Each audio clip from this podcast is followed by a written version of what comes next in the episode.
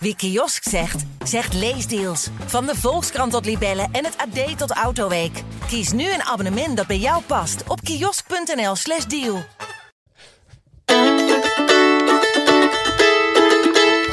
Zoon was, het oude stadion was denk ik de beste kroeg van eh, Breda. Eh, eh, 11.000 man op de tribune eh, die ons steunen en die de tegenstander eh, haten. En daarna gaan we met z'n allen eh, lekker bier drinken. Zo, zo ervaarde ik het avondje nak. Kletsen met Karel. Over de sores van de Bagel.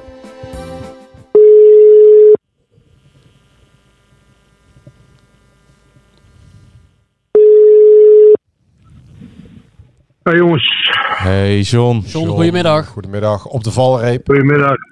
Ja, welkom bij de Ja, podcast. ook, wel- ook wel verwacht hè, van eh, onze eh, vriend Blanco. Hij was erg laat. Ja, maar hij moest ook weer eh, 26 trappen op met een eh, zware podcasttas. Maar eh, we zijn er, we zijn er, John. Oh, oh, oh. We zijn Ja, er. En ik, ben een Goed zo beetje, jongens. ik ben een beetje gespannen voor eh, Spanje zometeen, John. Zo? Nou ja, Marokko, hè? Ja, wat hoop je nou? Dat Spanje wint natuurlijk. Nee, ik heb hier al net een discussie gehad. En eh, ik ga hem toch maar even herhalen. Ik hoop vooral dat Argentinië eh, van Nederland wint vrijdag. En dat ze Ja. wereldkampioen worden. Oh, Interessant doen een reis. hey, rot, rot lekker op dan joh. Nee. Ja, Jongen, even, even voordat we eh, verder gaan in deze discussie. We zitten hier eh, weer in de boardroom in eh, Breda. En eh, met ons aan tafel ook nog een, een spits die, die goed gewoon bij, bij jou bij Achillesveen had kunnen spelen. Ja, ja, die kan bij iedereen wel goed spelen denk ik. Oh, Ik jij denk, bent- eh, ik ben- jou is al ik ben- verteld ik ben er wel is fan van. zeker. Ja, ja. Ik ben er wel fan van moet ik zeggen. Kan je eens eh, vertellen wie je zit? Want we beginnen met jou nou deze uitzending. Dus we hebben hem nog helemaal niet geïntroduceerd. Nou, Jort van der Zanden. Kijk, welkom Jort. introductie. Kijk, Nee, maar John, jij bent toch eh, je hebt hem een paar jaar geleden geprobeerd naar Achillesveen te halen toen Jocht nog bij FC Den Bosch speelde. Ja, dat klopt. Ja, ja, ja. Vertel. Ja, dat is waar. Want toen, eh, nou, toen speelde hij niet altijd. En eh, wij zaten toch wel een beetje te azen. En daar ook een budget voor. Voor spelers die, eh, die wegvallen in betaald voetbal. Weet je niet, we hebben heel veel jongens uit van Jong Willem II eh, gehad. Jong XC, Jong NAC. Dus we zaten ook wel op Jort te azen. En gelukkig heeft hij de goede keus gemaakt toen. Ah, Jocht, ehm, waarom ben je destijds niet naar Achillesveen gegaan? Dan had je onder de vleugels van, deze, van de ster van de show kunnen trainen, jongen. Ja, ja, dat was natuurlijk toen wel een heel eh, verleidelijk eh, aanbod. Ja. Ja. Maar eh, ja, ik was voor mijn gevoel nog niet klaar in betaald voetbal. En dus de stap naar, naar de amateurs was op dat moment denk ik te vroeg voor mij. En achteraf ja, toch zeker de goede keuze. En dat was drie jaar geleden ongeveer? Ja, dat, ja, dat weet ik echt niet meer. Drie of vier jaar geleden. Ja, dat, ja. ja, dat kan niet meer. Want ik heb eh afgelopen drie jaar ben ik bij Veen geweest. Dus Ja. langer geleden kan het niet zijn. Ja, nou, drie Ja, jaar maar dat ging, geleden. Je hebt er wel kijk ging op, mij... je hebt er wel kijk op, John. Ja, maar je zoekt altijd een beetje type spelers die een beetje bij je eigen karakter eh, passen. Hè, het liefst. Hè? Ja. Dus eh, ik denk dat dat wel een beetje overeenkomt. Hoe zou jij eh Jocht eh, omschrijven als voetballer dan, eh, John? Nou ja, gewoon eh kaart werken, altijd eh, karakter, eh, altijd oorlog maken, er alles voor doen om te winnen. Ehm, ja, nog gewoon voor de eerste divisie altijd een, toch wel een substantieel aantal goals maken. Ik vind alleen wel dat hij op dit moment veel te hard moet werken voor zijn eigen goals. Ja. Denk je niet dat hij bijna eh, in de opbouw en in de, in de tussenfase en in de eindfase eh, eh, belangrijk moet zijn? En ja, ik vind, ik- en dat weet ik ook wel dat dat gaat gebeuren. Als hij straks eh, betere spelers om zich eh, heen heeft, ja, dan gaat hij veel makkelijker nog voetballen en ook veel minder scoren, eh, denk ik. Ja. Straks. Nou ja, Jocht, eh, John is altijd eh, goed op de hoogte. En als, eh, Als hij zegt straks betere spelers. dan weet hij ongeveer wat er gaat gebeuren. Dus John, voor de draad ermee. Welke spelers gaan eh, Jocht straks helpen eh, vanaf januari? Betere spelers. Maar jij, jij- Jo- John, jij hebt het idee dat er eh, in de winter ook eh, een paar jongens bij komen dan? Nou, ik denk dat er weet wel wat gaat gebeuren, maar ook zeker eh, op het eind. En dat, ja, dat hoeven we niet uh, schijnheilig over te doen. Dat is ook gewoon nodig, hè. Ja. Want eh, we, staan waar, we staan waar we staan. En eh, dat is voor een club als NAC veel te laag. Dus er moet, er moet iets gebeuren. Ja. Eh, en dat zal eh, de komende transferperiodes eh, gebeuren. Zal Mark van Hintem bang niet, voor gaan zorgen dus. Nee, Mark van Hintem niet, nee. Wat vond je daarvan, John? Nee. Ehm, nou ja, ik snapte die keuze wel. Ehm, want eh, Pierre heeft er natuurlijk een verleden mee. En dan gaat er ook een beetje kijken naar netwerken en, eh, en ehm, wat hij heeft gepresteerd. En het is ook nog eens zo dat alle top technisch directeuren, die gaan echt niet naar NAC komen. Dus dat kan iedereen uit zijn hoofd zetten. Ik niet dat Mark geen top eh, eh, directeur had kunnen zijn hoor, maar alle toppers die gaan heus niet naar NAC komen. hoor. Daar is de club gewoon te veel voor, eh, eh, ja, hoe moet ik dat zeggen, beschadigd. Of, eh, of je wordt beschadigd. Kijk, er zal weer, eh, op, op elk gebied zal er een hoop weer opgebouwd moeten worden.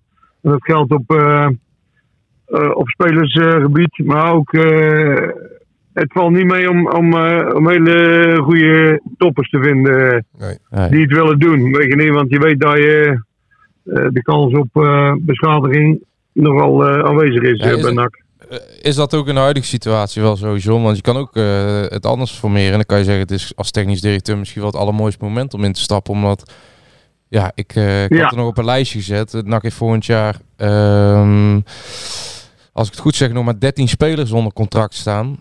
Ja. ja, dat zijn allemaal ook jongens. Alle, bijna alle grote verdieners gaan eruit. Op een op twee of drie na. Op Jort na. Op ja. Ja, ik wou het niet zeggen.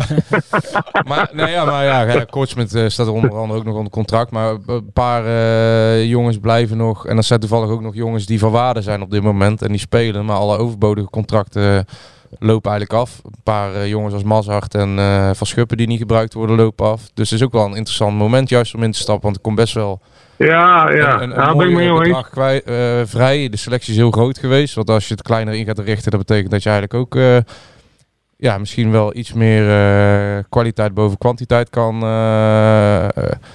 kan kiezen. Dus het, je kan het ook al omdraaien. Dat bij NAC misschien wel ook wel een soort van kickstart van je loopbaan als technische directeur Ja, kan zijn. ja. ja, ben ik mee eens. Ben ik wel mee eens. Alleen, je moet je ook realiseren, kijk, als jij eh, al een aardig draaiend team hebt en ehm, je besluit om, eh, om vier nieuwe spelers te nemen en er zijn er eh, twee die voldoen niet, Ja.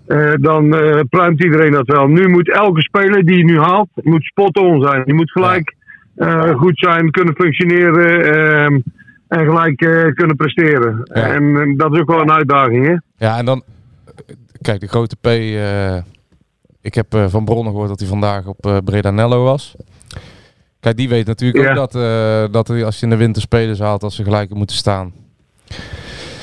Dus- Ja, dus nee, dat, weet je, eh, ja, dat- dan, gaat hij normaal gesproken, eh, normaal gesproken gaat hij dan hoog inzetten in de winter.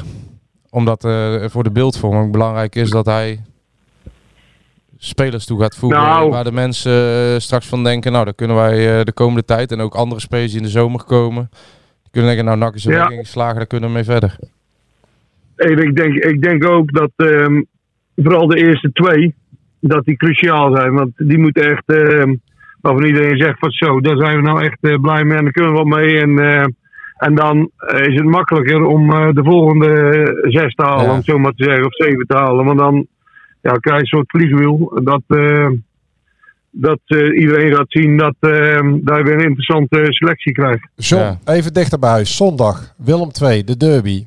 Zonder uitsupporters. Eh, Joost, die hebt er Ja. mij voor de uitzending eh, dat jij daar ook nog warme herinneringen aan bewaart. Hè? 2011. 14 hè, had hij net Nee. overgenomen. Toen Van Maaskant had overgenomen. Ja, toen je het van Maaskant overnam. 2000. Twee goals van Luiks. Ja, 10 was dat. Hè? Toen won NAC met Ja. 2-1 van eh, Willem 2. Ja, ja klopt ja. Waar zit voor jou, Ja, nee, ja, maar waar zit, waar ja. zit, waar alleen zit, de, waar zit voor jou de, het pikante element met Willem 2 erin? Nou, weet je wat ik me nu afvraag? Eh, en daar kan Jort misschien wel beantwoorden. Kijk, vroeger, eh, toen ik dat zelf speelde, die derbies, maar ook eh, als trainer, werd dat heel erg opgefokt. Weet je niet, al, al, al een week van tevoren eigenlijk. van alle kanten door supporters en allerlei acties. En En je werd ook wel even wijsgemaakt dat eh, dit eh, een van de wedstrijden van het jaar was. Ehm, ik, ik vraag me af of dat nou nog zo is. Weet je niet of, of, of nou al die spelers beseffen, eh, ondanks eh, hoe je er nu voor staat, dat dit wel een van de wedstrijden is die eh, bij supporters heel heel veel goodwill eh, kan, eh, kan zorgen. En dat het, ook, ja, dat het ook zo beleefd wordt. Nou, Jocht. Ja, ehm, het, is, het is denk ik wel wat anders, anders dan vroeger. eh, als je zo eh, hoort dat dan supporters nog even, even duidelijk komen maken dat, eh, dat het wel de wedstrijd van het jaar is eh, voor NAC. Maar ik denk wel dat, eh, dat eigenlijk iedereen in de spelersgroep wel het, belang van de wedstrijd eh, tegen Willem II weet. En dat ze wel weten van nou, dit is echt de derby. En kijk, je hebt natuurlijk al een klein aanloopje gehad met, eh, ja, met wel of geen uitsupporters. Hè. Dat is wel iets wat, wat leefde, hè, waar de spelersgroep ook dacht van oh, nou, oh ja, vervelend dat er geen uitsupporters bij zijn. Dat scheelt toch wel voor, eh, voor, voor de beleving in zo'n wedstrijd. Maar ja, het is nog niet zo eh, dat, je, dat ik bij wijze van spreken in de tuin nog even een, eh, een verbrand Willem II shirtje vindt of zo. Dat soort dingen, dat, eh, dat is niet. Dus maar we hebben... wij nou op om eh, iemand bij jou... Nee, eh, nee. zeker niet. Zeker niet. Nee. Maar eh, ja, we hebben nog een eh, open training hier in het, eh, in het stadion. En dat, dat zijn wel momenten waarin, eh, waarin zo'n derby misschien wel eh, extra kan gaan leven. Ja. Want ik, eh, kijk, ik, ik snap best in de situatie waar NAC nu zit, dat heel veel spelers genoeg aan zichzelf hebben. Eh, weet je niet, want eh, zoeken naar vorm en zoeken naar resultaat. En daar dan denk ik van, ja, dat, maakt niet uit of het nou Willem II is. We moeten eerst maar eens proberen om een resultaat te halen. Maar het maakt wel uit dat het Willem II is. Dus dat, dat wou ik er even mee zeggen. Weet je niet, want je kan zoveel... ja, goed poetsen eh, voor het magere seizoen waar je nu hebt door die wedstrijd te winnen. En dat, ja, dat is eigenlijk wat ik een beetje bedoel. Ja, maar jij hebt ooit gezegd, eh, wat er ook gebeurt, ik zal nooit bij Willem II gaan werken. Nee, nooit. Nooit. Dat klopt. Maar- Nee. Maar, waarom Ik vind eh, als jij... nou, met mijn verleden. Ik heb, ik ben, ik heb 13 jaar bij NAC gevoetbald. Ik ben er eh 10 jaar trainer geweest. Ja, als je de helft van je leven bij, bij zo'n club zit, dan kun je niet met de, bij de grote concurrent even. eh, en ik heb ook veel aan NAC te danken. Dan kun je niet aan de, aan de, bij de, grote, de grootste concurrent van de club even lekker aan het werk gaan. Dat, dat gaat er bij mij niet in. Dat gaat nooit gebeuren. Nou, nou, misschien is dat het verschil met Willem II wel. Toen John Veskes de overstap maakte van eh, eh, Willem II, hij volgens mij de Tilburgse variant van Tuinzicht in Broekhoven, eh, was er geen haan die ernaar kraaide in Tilburg. Hij vond men het, eh, er is zelfs toen een foto gemaakt van hem thuis in Tilburg, volgens mij met een, Willem, T- eh, met een naksjaal of met een eh, nakshirt. En dat was destijds toch het icoon van Willem II. Er is wel eens een supporterscafé in het stadion Ja. van Willem II hem genoemd. En dat zou in Breda niet kunnen, John. Dat jij of Ton Lokhoff eh bij Willem II zou gaan werken. En dat daar geen heibel over zou ontstaan. Ja, maar kijk, buiten of daar door andere mensen heibel eh, over wordt gemaakt, doen wij dat zelf niet. Nee. Want eh, het is altijd nog zo dat je eh, ehm, ja, een bepaald gevoel hebt bij een club. En ehm, ja, dat kan niet zo zijn dat, eh, dat je werken bij een club die, eh, eh, die door heel veel supporters wordt gehaald. Dat, Ja. dat kan er gewoon niet. Dat tot, doe je ook niet. Echt, dat, eh, nee. kan je tot slot even eh, in het kort het grote verschil tussen die twee clubs eh duiden voor ons? Tussen NAC en Willem II. Ja? Zonder, Eh, zonder nuance. Nou ja, ik- ja ik, ben, ik ben niet objectief natuurlijk. Dus eh, ik vind niet. alles NAC. Ja, NAC eh, nou, een mooie club. Al moet ik eh, en zo eerlijk moet je ook zijn. Hè, want eh, ik zeg niet graag heel veel positiefs over Willem II. Maar ik vind de sfeer bij Willem II vind ik wel eh, beter dan bij NAC, als ik eerlijk ben. Op het moment in het wel. stadion. Ja, en dat vind ik wel een beetje een kwalijke zaak. Ehm, en voor de rest eh, vind ik alles bij NAC eh, beter. En ja, maar ik, ik, je moet van mij niet verwachten dat ik iets, iets positiefs daarover kan eh, zeggen in het verschil met NAC. Dus eh, Nou, ik hoor, ik Dat hoor, ik- eigenlijk- maar iets positiefs in het verschil eh, ter, ter faveur van NAC. Wat, maakt NAC nou een mooiere club? We moeten Jocht toch een beetje hier eh opgehyped aan die aftrap zien, zien te krijgen. Ja, maar dat, kijk, als je je leven bij één club hebt gespeeld, of tenminste, ik heb niet helemaal alleen bij één club gespeeld, maar je grootste deel van je leven bij één club hebt gespeeld, dan kun je toch niet eh, een vergelijking maken met een andere club. Nee, ik, weet is- toch, ik weet niks van Willem II. Ik weet alleen eh, hoe wij dat vroeger beleefden, eh, die, die derbies. Ja, dat werd door supporters wel even flink eh, opgefokt. En dan werd je ook wel eens even op trainingsveld met je neus op de feit gedrukt van... verdomme, je gaat wel zorgen dat je wint, anders staan we er van de week weer. En weet je niet, dus dat werd wel... maar ook met supporters, weet je niet, is ook wel eens... eh, gele verf in de fontein in, eh, bij Willem II gegooid en allerlei eh, Ja. op de middenstip weggejat of Ja. eh, allerlei acties. Eh, weet je niet, dus eh, ook Lion- met Lions.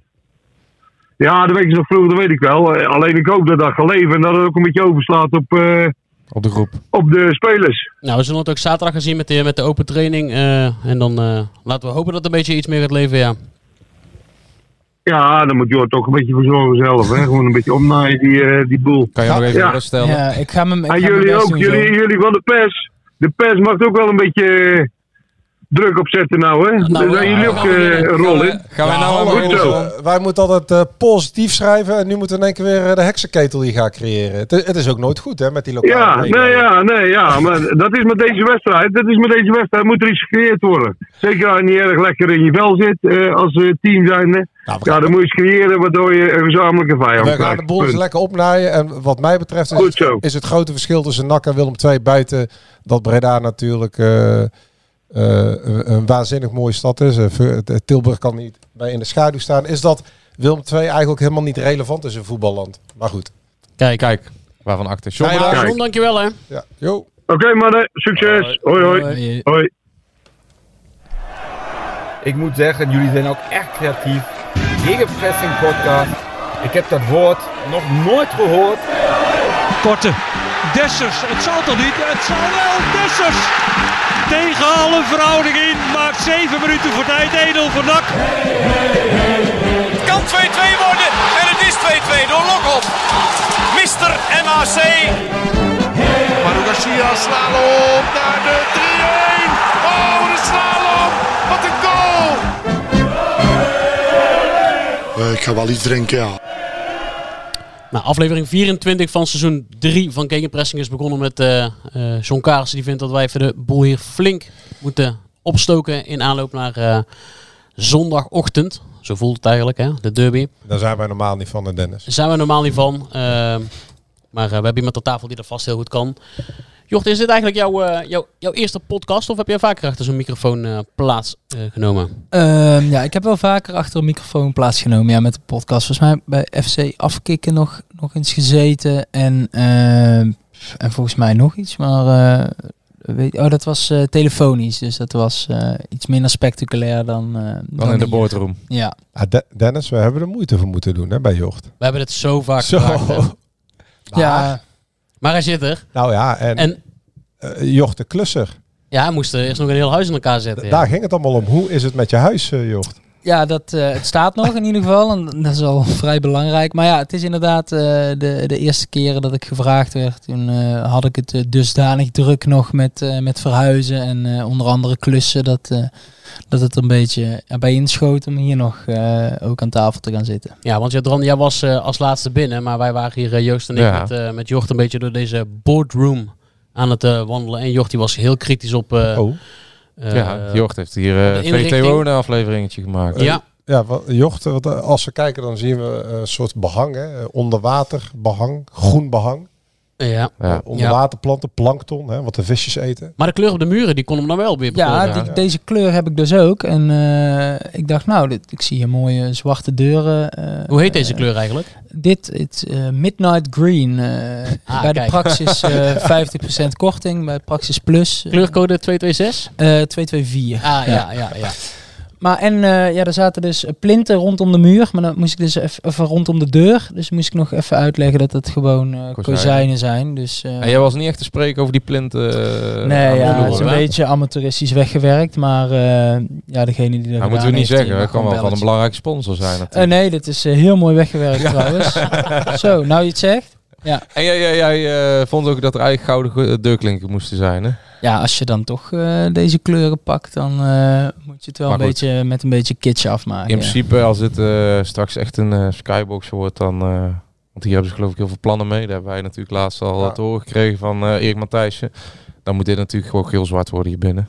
En vind jij dat eh, verwarming, een, eh, ik weet niet hoe je dat noemt, een overkappingje moet krijgen? Dat de radiator radiator. weggewerkt wordt? Ja, Zo'n radiatorkap, ja. Radiatorkap. Eh, ja, eigenlijk wel. Hè. Of Ja. eh, je moet hem een ander kleurtje geven. Ja. Maar even, wat, wat heb je allemaal thuis eh, gedaan? Want jij bent eh, zelf de klusjesman. Eh, ja, kijk, je kan alles wel uitbesteden, maar dat gaat aardig in de papieren lopen. Dus er zijn wel dingen die... eh, ik heb eh, ja, het schilderwerk en zo. Ja, maar ja, alleen, hè. Kijk, eh, mijn vriendin die was er ook gewoon nog. En familie woont hier eh, redelijk in de buurt allemaal, Geertruidenberg. Dus die zijn ook allemaal, eh, allemaal veel over de vloer geweest. Dus ja, ik heb nog eh, Ja, een, want- een keukendeel moeten slopen en een barretje erop moeten zetten. En, eh, Even voor duidelijk, je bent in Prinshagen gaan wonen. ja. Ja. Ja, mooi, mooi stukje Breda. hoor. Vlakbij het marktje. Ja, ik denk dat het eh, een meter of 400 is van de, van de Haagse markt. Dan Dus, heb je al eh, een, eh, een lekker tentje ontdekt om... eh, nou, ik heb daar wel eens al een, eh, een bakje koffie en een glaasje wijn gedaan. Dus eh, het, is, eh, het is wel een, eh, een leuk eh, mini-centrumpje, ja. en dan lopend naar het centrum van Breda, zo nu en dan. Ja, daar pak ik toch de fiets. Want het is toch anders eh, ja, iets te ver lopen. En ik loop al genoeg. Dus, Langs het Biermuseum, hè? eh, Ik weet niet of je dat gezien hebt, Nee, dat heb ik nog niet. Zit daar ook, ja. Je zit daar ook. Heb ja. ik nog niet gezien. nee. Voor de volgende keer. Ja, ik fiets heel hard, dus misschien eh, Ja. is het voorbij geflitst. Ja, dan snel naar de stad, hè? Ja, te snel af en toe. is gevaarlijk, ja. Maar ben je vaak in de stad te vinden? Want jij woont sinds dit seizoen dan... eh, hè, je, bent, je bent in het begin van het seizoen eh, overgekomen hier naartoe.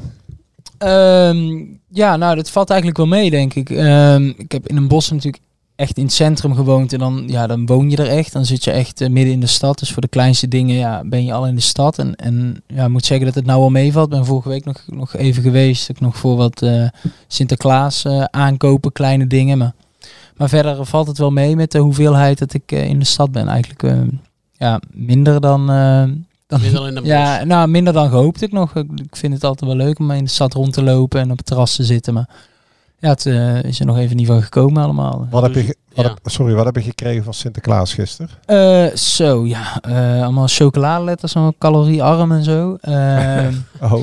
En verder wat eh, spelletjes en zo. Dus echt kleine dingen. Nee, we pakken niet eh, heel groot uit eh, met Sinterklaas. Maar het, is, het was bij de schoonfamilie gezellig met surprise. Dus eh, dan... eh, Nou, jij kan wel wat maken volgens mij als je dat hele... Ja, nee, ja, draai ik mijn hand niet meer voor om. eh, voor een kleine wat had je surprise. gemaakt? Eh, ja, een eh, koffiezetapparaat eh, van karton. Mhm. Ja, en er kwam nog geen echte koffie uit. Het, eh, dat was niet gelukt, maar eh, ja, dat, ja, het zag er weer blinkend uit. Dus eh, niks te klagen. Wij, eh, Dennis, eh, stuurde wat eh, oude interviews van jou door. Bij, uit jouw tijd van FC Eindhoven. Oh, En ehm, daaruit konden wij wel een beetje opmaken dat jij een sociaal bewogen type bent.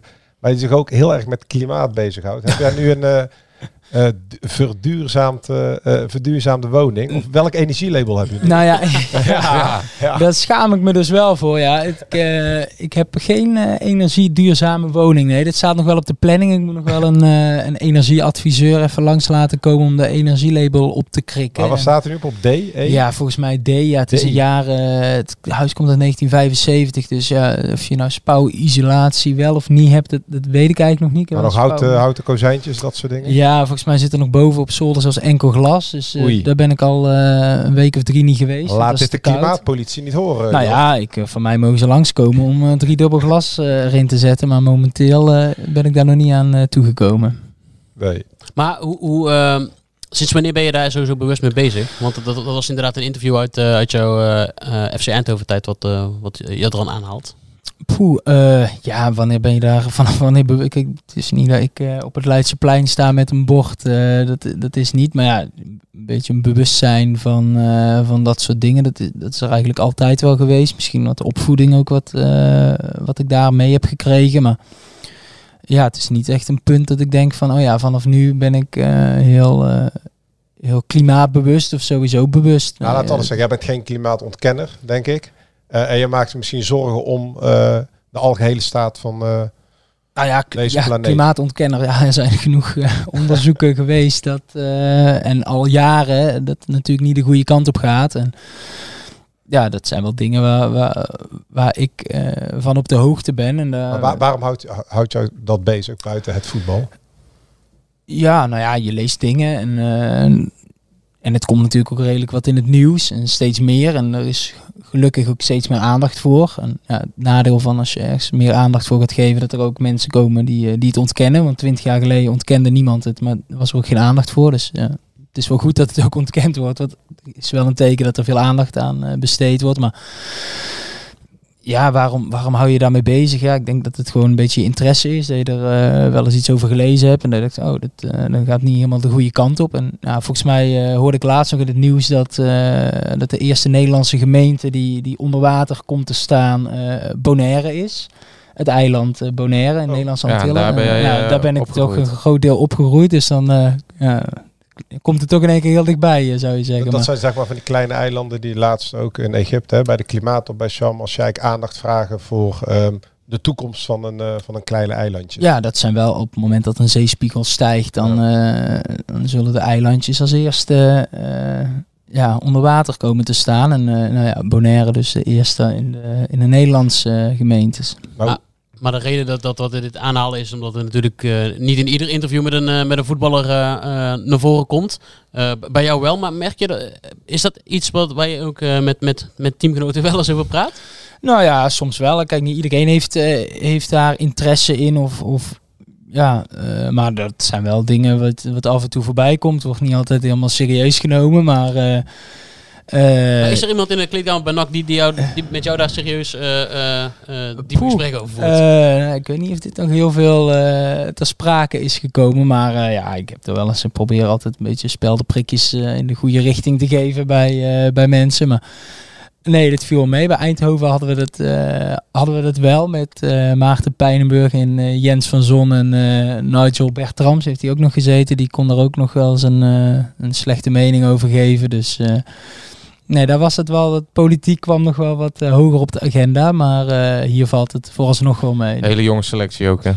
Ja, dat scheelt ook. Dat scheelt ook wel andere dingen bezig. Voor de luisteraars, uh, Bonaire, hoe lang heb je daar gewoond en over welke jaren hebben, hebben we het dan? Ehm, ik heb daar vijf jaar gewoond, van 2000, nee even kijken, 1998 tot 2003. Dus ik was uh, twee uh, toen ik uh, daar naartoe ging en zeven toen ik, toen ik terugkwam. Dus ik heb daar nog wel een, een deel van mijn bewuste opvoeding daar nog wel meegemaakt. Ja. Waarom, waarom was je daar? Wat voor werk deden je ouders? er zaten altijd in het onderwijs. Dus mijn vader is daar toen naartoe gegaan. volgens mij zag je het op een pamfletje voorbij komen van een stagiaire. Die zei van, oh, dit is wel leuk om te doen. En toen dacht mijn vader van, oh ja, dat klopt, dat is leuk. Dat, dus wel wat anders. En, uh, Les, lesgeven op ja. een tropisch eiland. Ja, toen ging je daar solliciteren en is hij aangenomen. Mijn uh, moeder ging mee en die is daar later ook in het uh, onderwijs. En, en volgens mij een sportschooltje gehad qua zwemlessen en dat soort dingen. En, zou jij, um, heeft Bonaire een nationaal team? ja. Want Aruba heeft er een. Bonaire ook, ja, Curaçao ook.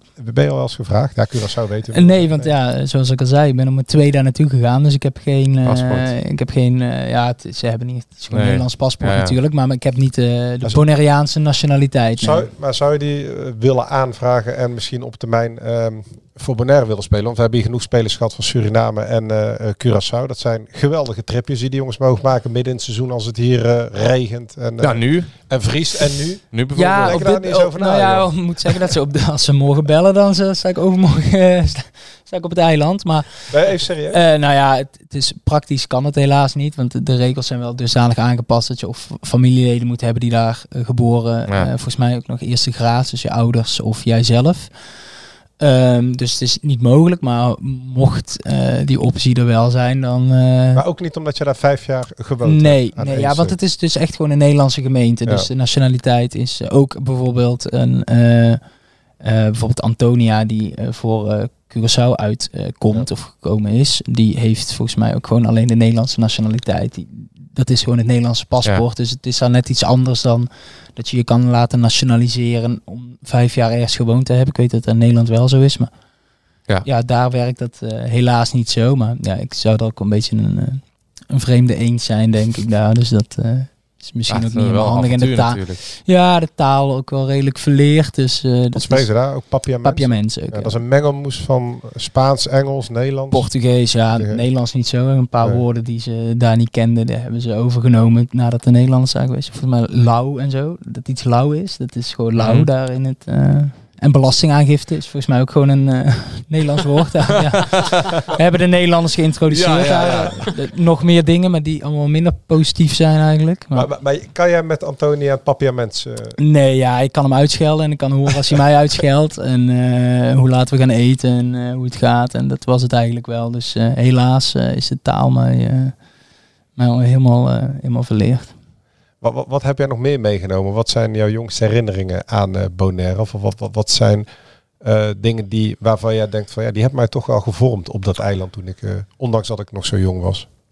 Ehm, ja, wat, wat, wat neem je daar mee? Kijk, je, je bent daar als Nederlander. Ben je, nou ja, wat wel bijzonder is natuurlijk, je bent daar een, een, een minderheid hè, als, als Nederlander zijnde. Vooral in die tijd. Ik denk dat het nu al een beetje aangepast is. Dat, dat er bijna meer Nederlanders zitten dan Antillianen, eh, helaas. Maar eh, ik denk dat ook wel dat dingen zijn wat je meeneemt. Hè, dat het, Maar waarom helaas? nou ja, ik denk niet dat voor zo'n eiland. eh, De charme van het eiland was ook wel dat het niet druk was en heel rustig was. En ik denk als je er nou, ik ben er Ja. afgelopen zomer geweest, dan zie je vooral heel veel. Ja, correndon en eh dat, ja, het is- ja, wordt- het wordt een beetje een, eh, heel toeristisch, eh, toeristisch oord. En ik de- en denk niet dat de plaatselijke bevolking daar heel veel profijt van heeft. Dus Waarom niet dan? Omdat de- nou ja, die zie, die zie je ook niet eh, echt werken daar in het, in het toerisme. Ze willen daar dan vooral de Nederlandse studenten en eh, ja, de, Amerikanen. ja, dus heel je veel. krijgt eigenlijk bijna een tweedeling daar. Nou ja, het, is, eh, het, eiland wordt een beetje voor mijn gevoel gebruikt eh, als een toeristisch eh, Ja. trekpleister daar. Wat Curaçao al, al, al wel heel even heeft, denk ik. En Curaçao of, en Bonaire is daar nou een beetje ehm, het, het, het, ja, een beginnetje aan het maken. het van, wordt nou, opnieuw gekoloniseerd. nou ja, ik heb er wel eens gezegd, een beetje een moderne kolonisatie is het. Hè? Ze gebruiken het eiland en eh, ja, Ja. vooral voor, eh, voor toerisme. En dat komt allemaal vooral uit Nederland. En ik hoor het ook steeds meer. Kijk, vroeger moest je nog wel eens uitleggen waar Bonaire lag dan. En dat er dan naast Curaçao ligt. Maar tegenwoordig eh, weet iedereen wel. Ja. Oh ja, dat is bij de Caribische, Caribisch gebied. En eh, oh ja, ik ken iemand die daar naartoe gaat. En die gaat er op vakantie. En dan denk ik altijd, oh ja, dat is... ja.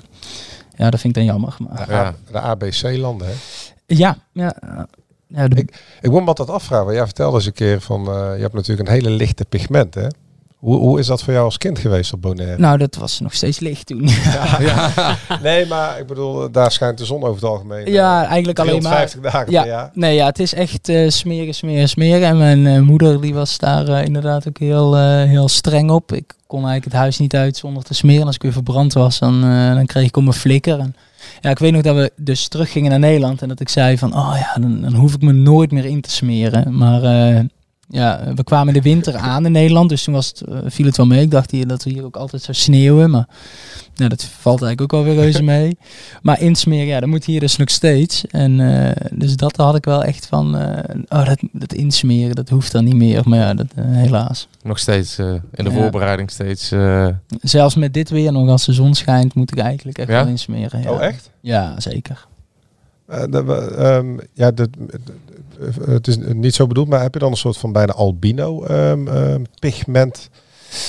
nou ja, ja, albino heeft geen pigment. Nee. Dus, ja, eh, eh, ja, mijn huid is wel dusdanig licht dat het eigenlijk eh, ja, eh, ja, gewoon heel snel verbrandt. Ja, waar dat dan in zit. Dan, eh. Maar ja, iedereen, ja, dat is wel een goed moment om hier mijn moment te pakken. Maar iedereen moet zich dus eigenlijk Ja. insmeren. Hè? Dus het Kijk, is niet, goed gezegd. Ja, nee, het is niet zo Nee, dat, als je heel donker bent, bijvoorbeeld Bob Marley, eh, nou dat was toch een redelijk donkere, Mhm. donkere man. Die is ook overleden aan eh, te veel zonlicht. eh, Oh ja, ja. ja, die heeft huidkanker eh, gehad en is daaraan overleden. Dus het is niet alleen voor mensen met eh, rood haar of een hele lichte uit van oh die moeten insmeren want dat is heel gevaarlijk. Dat is ook dat is echt voor iedereen. ja. Toch vaker insmeren dan. Ja, ja. dat is Ja, ik ben een, eh, gratis tipje. Ja. Ik ben eh, iemand die zich stevig insmeert altijd op vakantie. Ja. Ik, eh, ja, ik denk altijd, waarom, waarom zou je dat eigenlijk ook niet doen? Hey, over vakantie gesproken. Je hebt eh, net de vakantie erop zitten. Zo, ja, dat was snel voorbij, ja. Ja?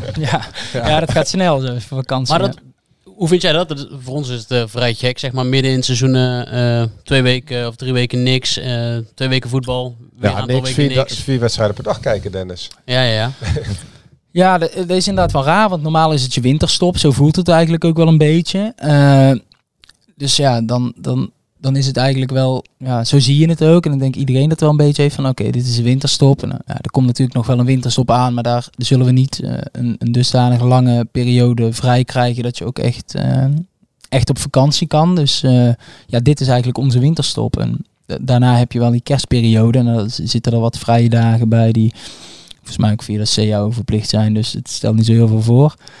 Ehm, ja, dus ja, Hoe, hoe zo raar lang zijn jullie vrij geweest in totaal? Eh, volgens mij acht dagen zo. Ja, Ja, zoiets, dus wel ja. kort winterstopje. Ja, dit, is- maar volgens mij is de winterstop altijd zoiets. Ja. Acht, negen dagen wat wij dan eh, vrij hebben. Ja, Ja, begin januari gaat het alweer los, hè? ja 6, 6 januari. Zes is deze het? keer. Ja, Gelukkig klopt, goed, ja. Ja. En eh, de, de, volgens mij is de hele selectie zo wat uitgevlogen. Eh, waar heb jij gezeten? Ik heb in, eh in Gran Canaria gezeten.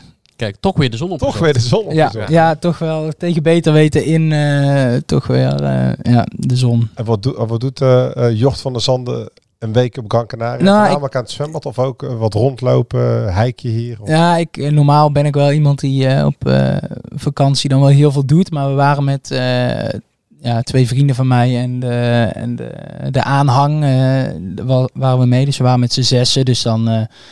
ja, en iedereen heeft daar een beetje, eh, ja, een beetje een heel rustige, rustige vakantie gehad. En eh, we hebben wel wat gedaan, een buggy tour. En eh, met zo'n eh, elektrisch scootertje rondgereden. En eh, we hebben nog een wedstrijd van Las Palmas gezien. De derby ook tegen Oh, Tenerife. Dus, 3-1, hè? ja. Ja. Hoe was dat? ja, dat is wel een ander sfeertje. Dat voetbal wordt wel heel anders beleefd daar. Ik denk, ja, zo'n heel stadion gaat daar wel echt mee. En eh, dat is niet alleen maar, je hebt zo'n kleine harde kern die daar in een hoekje zit. Alleen, ja, als die beginnen, dan zie je binnen, binnen vijf seconden gaat de hele stadion mee. En die staan en die zijn met hun eh sjaaltje aan het zwaaien en eh, mee aan het zingen. Dus het, ja, het is een... De zonne, zonnebloempitjes gegeten op de tribune. Zo, ja, wat in het begin dachten we, zo, dat is asociaal, hè, die gasten hier voor ons, die zitten hier die zonnebloempit eh, te vreten en uit te spugen. Dan dacht ik, nou, dat kan toch niet?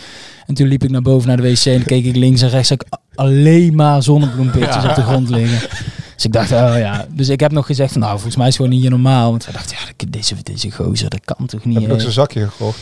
Eh, nee, die waren allemaal uitverkocht, hè. die lagen allemaal op de grond. Eh, nee, dat heb ik, eh, heb ik niet gedaan.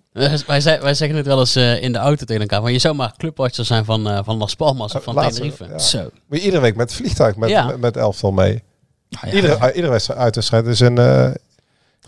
Ja, en het is ook niet, kijk, het is niet dat het echt aan de Spaanse kust ligt. Hè? Dus het is niet dat je eh Texel uit of zo hebt. Nee, dat, dat is het niet. Het is even een eindje Ja, je, naar volgens mij zit je gewoon twee uur in het vliegtuig Ja. bijna. En eh, ja, dat is wel... eh je Dat is moet geen beter dan, beter denk, dan wij de wormer eh, Ja, uit. Ja. Maar jij als voormalig eilandbewoner, als je daar dan bent en je zit daar in dat stadion en eh, waarschijnlijk in een kort shirtje. Je ziet de mensen lekker aan de zonbloempitjes, biertje drinken. Ehm, denk je dan niet, nou, misschien is dit eh, niet nu, maar ooit ook wel eens leuk om op zo'n eiland te voetballen. maar dan wel in een Europese competitie ergens in Zuid-Europa. Nou ja, eh, Gezien volgens mij... leefomstandigheden. Ja, nou, ik, volgens mij heeft Mallorca ook gewoon Ja. een elftal. En eh, Kreta. Ibiza, Ibiza zelfs. Ja, En, ook twee eh, Die, mo- die mogen altijd bellen? Ja, die mogen, ja, moet zeggen, ja, volgens mij is het leven daar wel duur, dus moet je wel heel goed verdienen daar. Maar zo'n Las Palmas, ja, toen ik dat zag, eh, dacht ik wel zo, nou, eh, als, als die Als nog die een bellen, positie, eh, positie over hebben, dan, eh, nee, dat zijn wel hele mooie avonturen, denk ik. En eh, ik vind het altijd mooi op een eiland en ja, ik hou van de zee, dus dat zijn wel dingen dat ik denk van, nou, Nou, je, bent, je bent nou pas net hier, hè? ja, ik heb ook niet gezegd dat ik eh, Nee. in de winter al... eh, maar eh, als die bellen, wordt het in de winter wel lastig, denk ik. Hij, eh, Dennis, hij geeft ons weer een bruggetje. Want ik moet zeggen, Dennis heeft zich heel goed voorbereid. joh. Zo, dat is... En jij hebt het over. Ibiza, maar dat, dat eiland is qua muziekstijl natuurlijk niet het eiland waar jij wil zijn. Is dat niet eh, Ibiza niet? eh, ja. Maar jij bent er niet zo van de elektronische muziek. Ja, is dat zo in Ibiza? Is dat zo'n techno-eiland geworden? Ja, ja, ja. Ik ben er nog nooit geweest. Ja, maar ben je ja, dan ja. serieus? Want dan ben, dan, dan ben je een van de weinige voetballers die werkelijk niet weet eh, Nee, ja, Wat ik, Ibiza wat, wat, wat het Nou karakter ja. van Ibiza Ja, is. ik Ja. weet Ook het al voetballen. het is wel een beetje, ja, maar het is ook een beetje voor plebs. eh, Ja, ja. ja, nee, ik, de- Ibiza is wel Ah, een vakantieland waar ik eigenlijk eh, wel echt weg wil blijven. Ja. Ja. Ah, ja, wel, volgens mij heb je wel ook delen in Ibiza die, eh, die niet zo... eh, Nee, het is wel een heel mooi eiland qua Ja. natuur, maar Ja. de, hele, de hele naam die het heeft en zo. En dat ik dan Ja. eh, op een superjacht aan de, kunst, aan de Ja. kust lig daar. Nee, dan alsjeblieft niet. Nee. Maar jij bent niet eh, de man die naar een technofeestje of een eh trendsfeestje vroeger, hè? dat was vroeger een beetje... Ja, nee, dat Nee. is, eh, dat is nog niet iets waar ik denk van, eh, ja, dat, daar zou ik graag naartoe gaan. waar hou je wel van? Van, van muziek, zo, ja, dan eh, vraag je me wat, ja. Eh, ja, ik ben een beetje van een wat ouder, eh, ik heb de muzieksmaak van een, eh, van een 50-jarige, denk ik, zo, kun je dat zeggen zo? Ja, dus ik luister echt wel naar, naar oude, oude rockmuziek nog en dan niet heel stevig en zo, dat ik met oordopjes naar een concert moet, maar... eh, ja, waar hou ik van? De, echt wel van de Rolling Stones en eh, Pink Floyd en Springsteen. En het is echt wel het oude, de oude meuk, eh, hoe sommige mensen dat... De top zouden 2000, zeggen. Ja, eigenlijk de top 2000 komt er weer aan. En volgens mij heb ik nog twee dagen om te stemmen of zo. Dus Wat staat er op één bij jou? op één. eh poeh. Eh, ja, die, die, soms die verandert wel, denk ik. Maar ik denk iets van... Ik denk eh, Pink, Pink Floyd... eh, Wish You Were Here, denk ik. Ja, dus nog rustig. Eh. Ik Ja, zie Dennis kijken. Ik zit, ik zit, ik zit Geen van mijn idee, eh, van ja, te dan kijken, wel. maar nee, dat is... Nou, eh, nee, ja, ik, ik, ik, ben het- ik, ben het, ik ben ook een beetje aan het veranderen de laatste jaren. En het is heel rustgevend. Bijvoorbeeld... ehm, Psychedelische muziek. Nou zit hij gewoon uit zijn nek te lullen. nou zit hij gewoon uit zijn nek Hij te heeft lullen. geen idee. Jawel, Hij heeft geen eh, idee. Bruce Springsteen. De, eh, Ja, die ken ik ook wel. hij Ja. Nee, maar die nummers eigenlijk via mijn vriendin. Die luistert heel veel van dit soort muziek. En ben ik ook, want ik ken de hele gast niet. eh, Bob Stapleton, of weet die gozer? Die helemaal in is nu. Die is nu in. Ja, Chris dan- Stapleton. Chris Oh Stapleton. ja, geen idee. Ja, Chris ja. Tempelman. Nee, van Ja. eh, Tennessee. Tennessee Whiskey. Tennessee whisky. Tennessee. Ja. Oh, ja, ja, nee. Ja, Tennessee Ja, Whiskey. Ja, en, ja, maar die, eh, die, dat is wel een lekker nummer. Ja, Hotel California, geweldig nummer. Ja. Ja, dat, dat is echt. prachtig. eh, Die kan die ik ook heeft vier ook op één staan. Ja, Ja, ja. Van de Eagles. Ja, ik ben bijvoorbeeld eh, Queen, maar dat is wel echt vanaf kleins af aan. Ik heb ook ooit zo'n cd van moeder gekregen. Of vind jij dat helemaal Ja, niet? Queen ken ik denk ik ook wel echt alles van. Ja. Ja, Ja, ja, maar en ze zeggen vaak, mijn oude chef, die eh, was altijd fan van de Beatles en die vond de Rolling Stones dan niks. Is dat bij jou dan ook zo? Als je dan fan bent van de Rolling Stones, dat de Beatles dan niet jouw ding is? Nee, nee, want ik vind alle twee echt heel... Oh, echt? eh, ja, ik vind alle twee leuk. Ik heb de Stones nog gezien eh, in de Arena eh, afgelopen... ja, afgelopen zomer was het denk ik. Maar kan dat nog? Eh, nou ja, het nadeel is de Arena.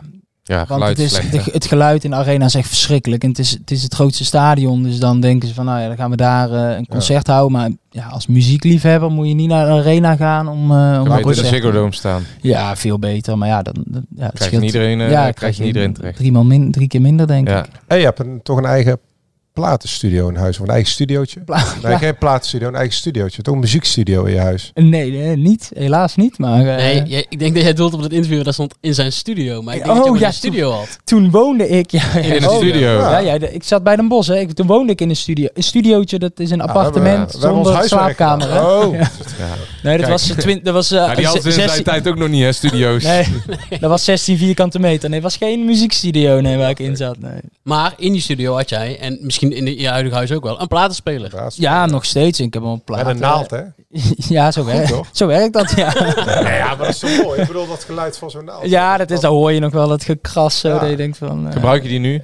eh, nou, nu niet, want hij is niet aangesloten aan mijn boxen Nee. nog. Maar eh, die, eh, die heb ik wel eh, een tijd gebruikt, ja. Ja, dat is toch wel anders. eh, is een muziek meer een belevenis dan echt eh, je Spotify-lijstje. Ja, En dus aan jouw, eh, jouw Instagram te zien ook een frequente eh, concertbezoeker. Ja, ik probeer altijd wel, eh, wel veel, leuke dingen, veel leuke dingen te zien. En eigenlijk als er wat, wat voorbij komt, dan, eh, dan denk ik, ik volg het allemaal goed wat er, eh, wat er komt. En, en als er iets tussen zit wat ik denk, oh, dat wil ik altijd wel, of heb ik altijd willen zien, of dat wil ik altijd nog zien, dat, dan eh, probeer ik daar wel, eh, wel naartoe te gaan. Ja, maar, Wat is de volgende op de lijst? eh, poeh, de- nou, dat kan ik wel zeggen. Ik heb nog kaarten voor. eh, in april is het volgens mij Roger Waters. Dat is de. ja, dat, is van, dat Ja. is de Pink Floyd Blanco man eigenlijk. ja, ja, Blanco, ja, dat is mijn tijd. Dat is mijn Ja, tijd. ja, ja. de- Nee, Roger Waters staat nog op het programma. Daar heb ik nog kaartjes voor. Dus dat is in april. Dat is eigenlijk de, de, de frontman van, eh, van Pink Floyd. Dus eigenlijk ga je naar Ja. Pink Floyd. Maar ja, zo heet Ja. het dus niet meer. Eh, en Muse. Oh ja, die dat, ken is- ik wel. Dat is wel wat, eh, wat jonger. Mi- Misschien voor jullie wat iets jonger nog. Nee. Eh, dat staat ook nog op het programma. En verder is er nog eh, niet echt... eh, Heb je de stadion DJ hier wel eens aangesproken om een keer eh zo'n goede plaat te draaien? in, pla- dat lijkt me zo'n goed idee. in plaats van Ja. ik moet suipen van eh, de Party Freaks. Eh, nee, nee, ik zou ook niet weten wie het is, maar eh, hij mag altijd wel uh, in- voor in- eh, Ik muziekadvies denk dat eh, langskomen. Alex en Pascal, eh, dat die jou wel door kunnen verwijzen. In hoor. het verleden mochten spelers zelf een plaatje hier. Nou, eh, vroeger als had ze je- scoorden, dan ja. dan dat, dat nummer afgespeeld. Nee, niet als ze scoorden. Ook zeker Hier wel. is nog nooit een nummer afgedraaid als ze scoorden.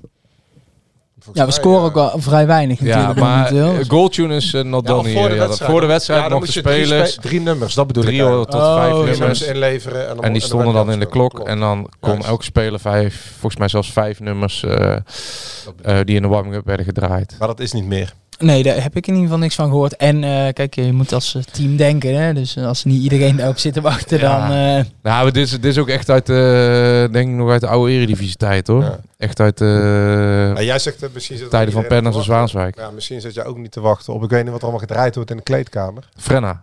eh, nee, dat valt, valt allemaal mee. Ja, dat weet ik eigenlijk niet. Ja, het is Komt de niet mij- standaard M&M kraker eh, voorbij? Nee, nee, nee, nee. Dat, eh, die tijd is geweest.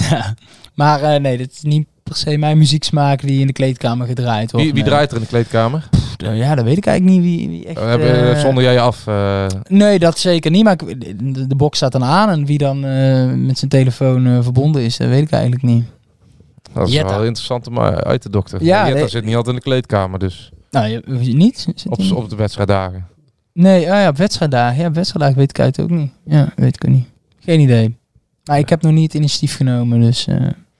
Ik vind eh, Roy, Roy Kortsmit wel een... eh, ja, als wel iemand- DJ? Nee, iemand. volgens mij zijn er andere gasten die wel sneller, eh, sneller bij, de, bij de box zijn. Ja. Als Alex Plat doet, dan hebben we alleen maar Volendam. Nee, dan is Jan Smit wordt grijs gedraaid. Ja. Dan, ja, dat vindt hij volgens mij ook het mooiste muziek Ja? die ooit gemaakt is. Ja? Ja, ah, hij- is toch geen muziek. Maar, hij is geen fan van de 3J's, hè? Nee? Dat hebben wij toen. Dat hebben wij toen ja, dat vind ik dus de enige goede band uit Volendam. Ja, want die zijn ook... eh, eigenlijk zijn die atypisch voor Volendamse muziek. Ja, die hebben dus geen, niet, geen bepalingssound hebben Nee, die niet. nee. Ja, of ja, die hebben ook wel muziek die zo gemaakt, Ja. maar die zijn wel iets anders, eh, andere weg ingeslagen, ja. Heb je teamgenoten die een beetje dezelfde muzieksmaak hebben? Of, eh, Eh, of ben jij een vreemde eend in de? Ja, wat dat betreft ben ik wel, een vreemde een. Maar er zijn er wel natuurlijk. eh, volgens mij had ik nog laatst met Roy Kortsmit. Kent ook wel veel nummers die ik, die ik kende. Ik zou laatst naar, naar Sting gaan, een concert.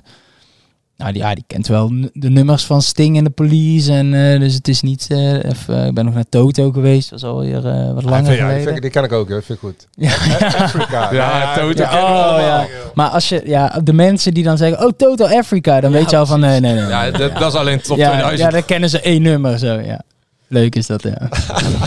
Kijk, Maar, we eh, worden hier ja. allemaal bijgepraat. Ja. joh. Dit- Wij, wij zouden hier gewoon eh, een soort van muziek eh, Ja, nou, ik wil, eh, volgens mij is de plek vrijgekomen, toch? Van eh, Radio 2 A Go Go, eh, die dat Ja, dat is presenteert. weg, ja. Dat Die Oh, is ja, wat, weg. is, wat is er gebeurd dan? Ja, ik weet niet, maar die is weg. Dus ze mogen mij nog altijd bellen. Ga ik wel met eh, Leo Blokhuizen Ja, een die beetje komt hier over, uit de buurt, volgens mij. over muziek lullen. Ja. Leo Blokhuis. Ja, oh, ook uit ja, ja. Steenbergen, ja. Ja. ja, bekende plek. Jort, als jij geen eh, voetballer was geweest, dan had je voor de klas gestaan, toch? Eh, dat denk ik wel, ja. Heb ik ook allemaal gelezen. Ja, wat, zo. vind, wat vind je daar zo leuk aan? Wat, ja. ja, ik vind het wel leuk met, eh, ja, met kinderen werken. Dat vind ik wel leuk. En eh, ik vind het ook leuk om eh, mensen wat bij te brengen. Dat, dat merk ik wel natuurlijk. Dat het, Ja, eh, en, het zit, en het zit in mijn bloed. Hè. Mijn ouders Ja. zijn alle twee eh, onderwijzers. En eh, mijn familie is ook wel, zit ook wel onderwijzers. Dus, ja, en eh, ik heb het altijd leuk gevonden. En ik heb ook eh, opleiding sport en bewegen gedaan. Daar heb ik nog wel gymlessen gegeven. En dat, ja, ik vond het toch altijd wel de, de, leuke, de leuke dingen. En eh, ja, het onderwijs trekt mij wel, ja. Zou je dan voor, een, voor een basisschool gaan of voor een vak op een middelbare school? Ja, ik denk in eerste instantie zou ik, eh, zou ik basisschool willen. Om een beetje alles. En ik vind het wel leuk om eh, kinderen die zijn nog niet stellen af en toe vragen. Dan denk ik van, ja, ja, hoe, Ja. hoe verzin je het? Maar ja, dat zijn ook wel de leuke dingen. En ik denk, eh, ik heb zelf natuurlijk op de middelbare school. En het is allemaal nog iets verser dan de basisschool. Toen dacht ik, nou, ik weet niet of het zo leuk was om, om mezelf daar les te geven. Of mijn klas toen om een eh, VMBO... eh, Puberende kinderen ja, VMBO anders. 2 eh, klasje les te geven. Zo, ja, Zo'n terror- niet zo- terrorklas. Ja, Ja. Dat, dat, dat lijkt me nog niet heel leuk. Maar het is wel voor de afwisseling. Kijk, als je een paar jaar het basisonderwijs hebt gedaan. Denk ik, nou, ik, wil, ik ken er ook die hebben, ba- zijn basisonderwijs begonnen. En zijn later naar de middelbare school gegaan. Maar ja, dan zou ik... Maar dan zou, moet je echt een vak gaan. Ja, geschiedenis denk ik. Dat, eh, vind ik dan nog wel het interessantste. Ei- Eigenlijk ben je nu eh, als voetballer ook een soort, eh, soort leraar in het veld. Hè? Nou ja, zo wil ik het niet, eh, zo wil ik het niet zeggen. Maar, Maar qua- zo, als, wij, als wij met z'n drieën die wedstrijden kijken, dan lijkt het af en toe wel een beetje zo. Alsof de, jij alle jongens eh, Strafwerk geeft. bij elkaar moet houden. Oh ja, lijkt dat zo, ja? Nou ja, ja, Ik weet niet hoe je dat zelf ervaart, maar... Nee, ja, dat valt eigenlijk wel mee. Ja, ik heb niet, niet zo het idee dat ik eh, constant op het veld sta te wijzen. Of Ja, niet te wijzen, maar ook gewoon met de manier waarop je speelt en de, de moeilijkheid waar, jouw ploeg het, eh, waar jouw ploeg in bivakkeert eigenlijk. En alle, of, of vind je dat lastig om? Ja, nou ja, ik, ik herken het niet zo heel erg. Kijk, ja, ik, ik behoor natuurlijk wel tot, tot de meer ervaren spelers eh, in het elftal. En eh, qua leeftijd, ja, ik ben nou 26, dus dan Ja. ga je al richting de, de spelers eh, die wat bijna ouder veteraan. zijn. Ja, zo wil ik nog niet noemen. Ik voel me nog piepjong. Dus nee, ja, ik, misschien is dat het ook wel een beetje de combinatie met de ervaring en de, en de leeftijd. En vooral in, eh, ja, in contrast met, eh, met de jonge spelers die wij hebben. Dat dat misschien een beetje lijkt zo. Maar ja, ik vind niet dat dat, een, dat, dat iets is wat, wat mij heel erg typeert in het veld of zo. Dat ik daarin eh, vooral bezig ben met, met de rest meetrekken. Of, nee, dat heb ik niet zo. Nog heel even over jou eh, als mens. Hè. Even de voetballen daar buiten beschouwing gelaten. Hoe kijk je? Want je hebt zo'n brede blik op wat er zich allemaal afspeelt in de wereld. Ook vanaf jongs af aan meekregen. Eh, je ouders hebben ook een soort van ontwikkelingswerk gedaan op Bonaire. Ehm, ehm, eh, hoe kijk jij naar de voetbalwereld? Want ehm, ja, wij maken er allemaal op onze manier deel van uit. Jij gaat daar nu ook al een jaar of 15 mee als we de jeugdopleiding meetellen. Ja, hoe ervaar je dat?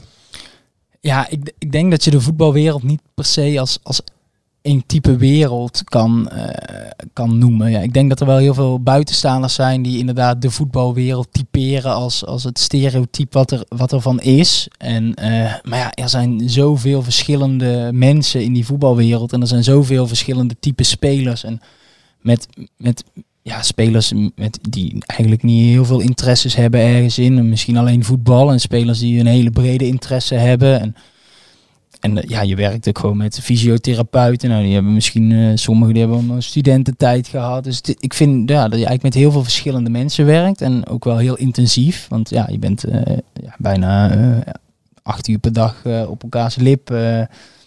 rond ik het even positief af, dat we veel uren maken. Maar ja, nee, ik vind de voetbalwereld niet per se echt dat ik denk van, ja, dit is de voetbalwereld. Kijk, het, hetgene wat er, eh, dat er dingen in de krant worden geschreven of hoe supporters eh, het beleven, ja, dat, ja, ik heb dat nooit zo echt ervaren als iets, als iets negatiefs, ook niet als iets per se iets positiefs. En er zijn, soms lees je wel eens van die interviews van spelers van, ja, ik was, ik was de voetbalwereld beu. En dan denk ik, ja, ja, dan ben je specifiek iets beu. Want ik weet niet per se wat je dan niet leuk vindt. Ja, misschien in de het kleedkamer lol en zo, dat je die dingen niet leuk vindt. Of, of het voetbal zelf niet. Ja, dat kan, maar vorige ja, week, ik vind het lastig. Vorige week hadden we een interview met een klein stukje met Dick van Buren, een oud speler. Die is nu zaakwaarnemer, oud speler van NAC. En die vertelde over Graham Arnold, ook oud speler van NAC, bondscoach van Australië.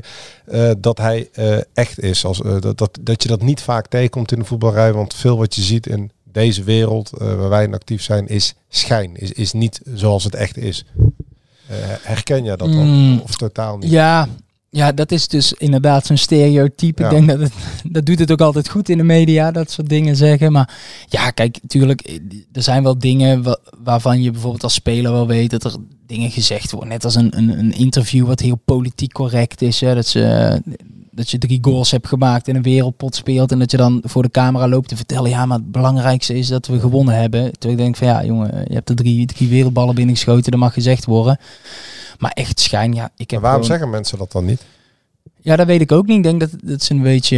Ja, ja, ja, ik weet ook niet waarom dat is. Ja, dat ze een beetje bang zijn voor een mening of zo. Jij, jij zei altijd ook Dick van Burik aan als een zaakwaarnemer die natuurlijk ook constant Ja, eh, juist een beetje in de wereld zit van de onderhandeling van het eh eh, de kan halen. Dan zit je ook een beetje aan die kant dat je ook... Ik, ja, ik eh, denk ook wel, die zitten wel aan Je de zit niet meer in de kleedkamer. La- la- laat ik een ander voorbeeld aanhalen. Iedereen heeft het over gehad en iedereen heeft het gezien. Steven Bergwijn uh, vertegenwoordigt het Nederlands elftal. De persconferentie. Um, samen met uh, Davy, uh, wie was die? Davy Klaassen. Davy Klaassen Ja. en bondscoach Julien van Gaal, waarin hij onderuit gezakt zag. En zacht, onderuitgezakt zat, uh, ongeïnteresseerd voor zich uit te kijken en uh, antwoorden van één woord gaf. En daarin continu terugviel op wat Davy Klaassen zei.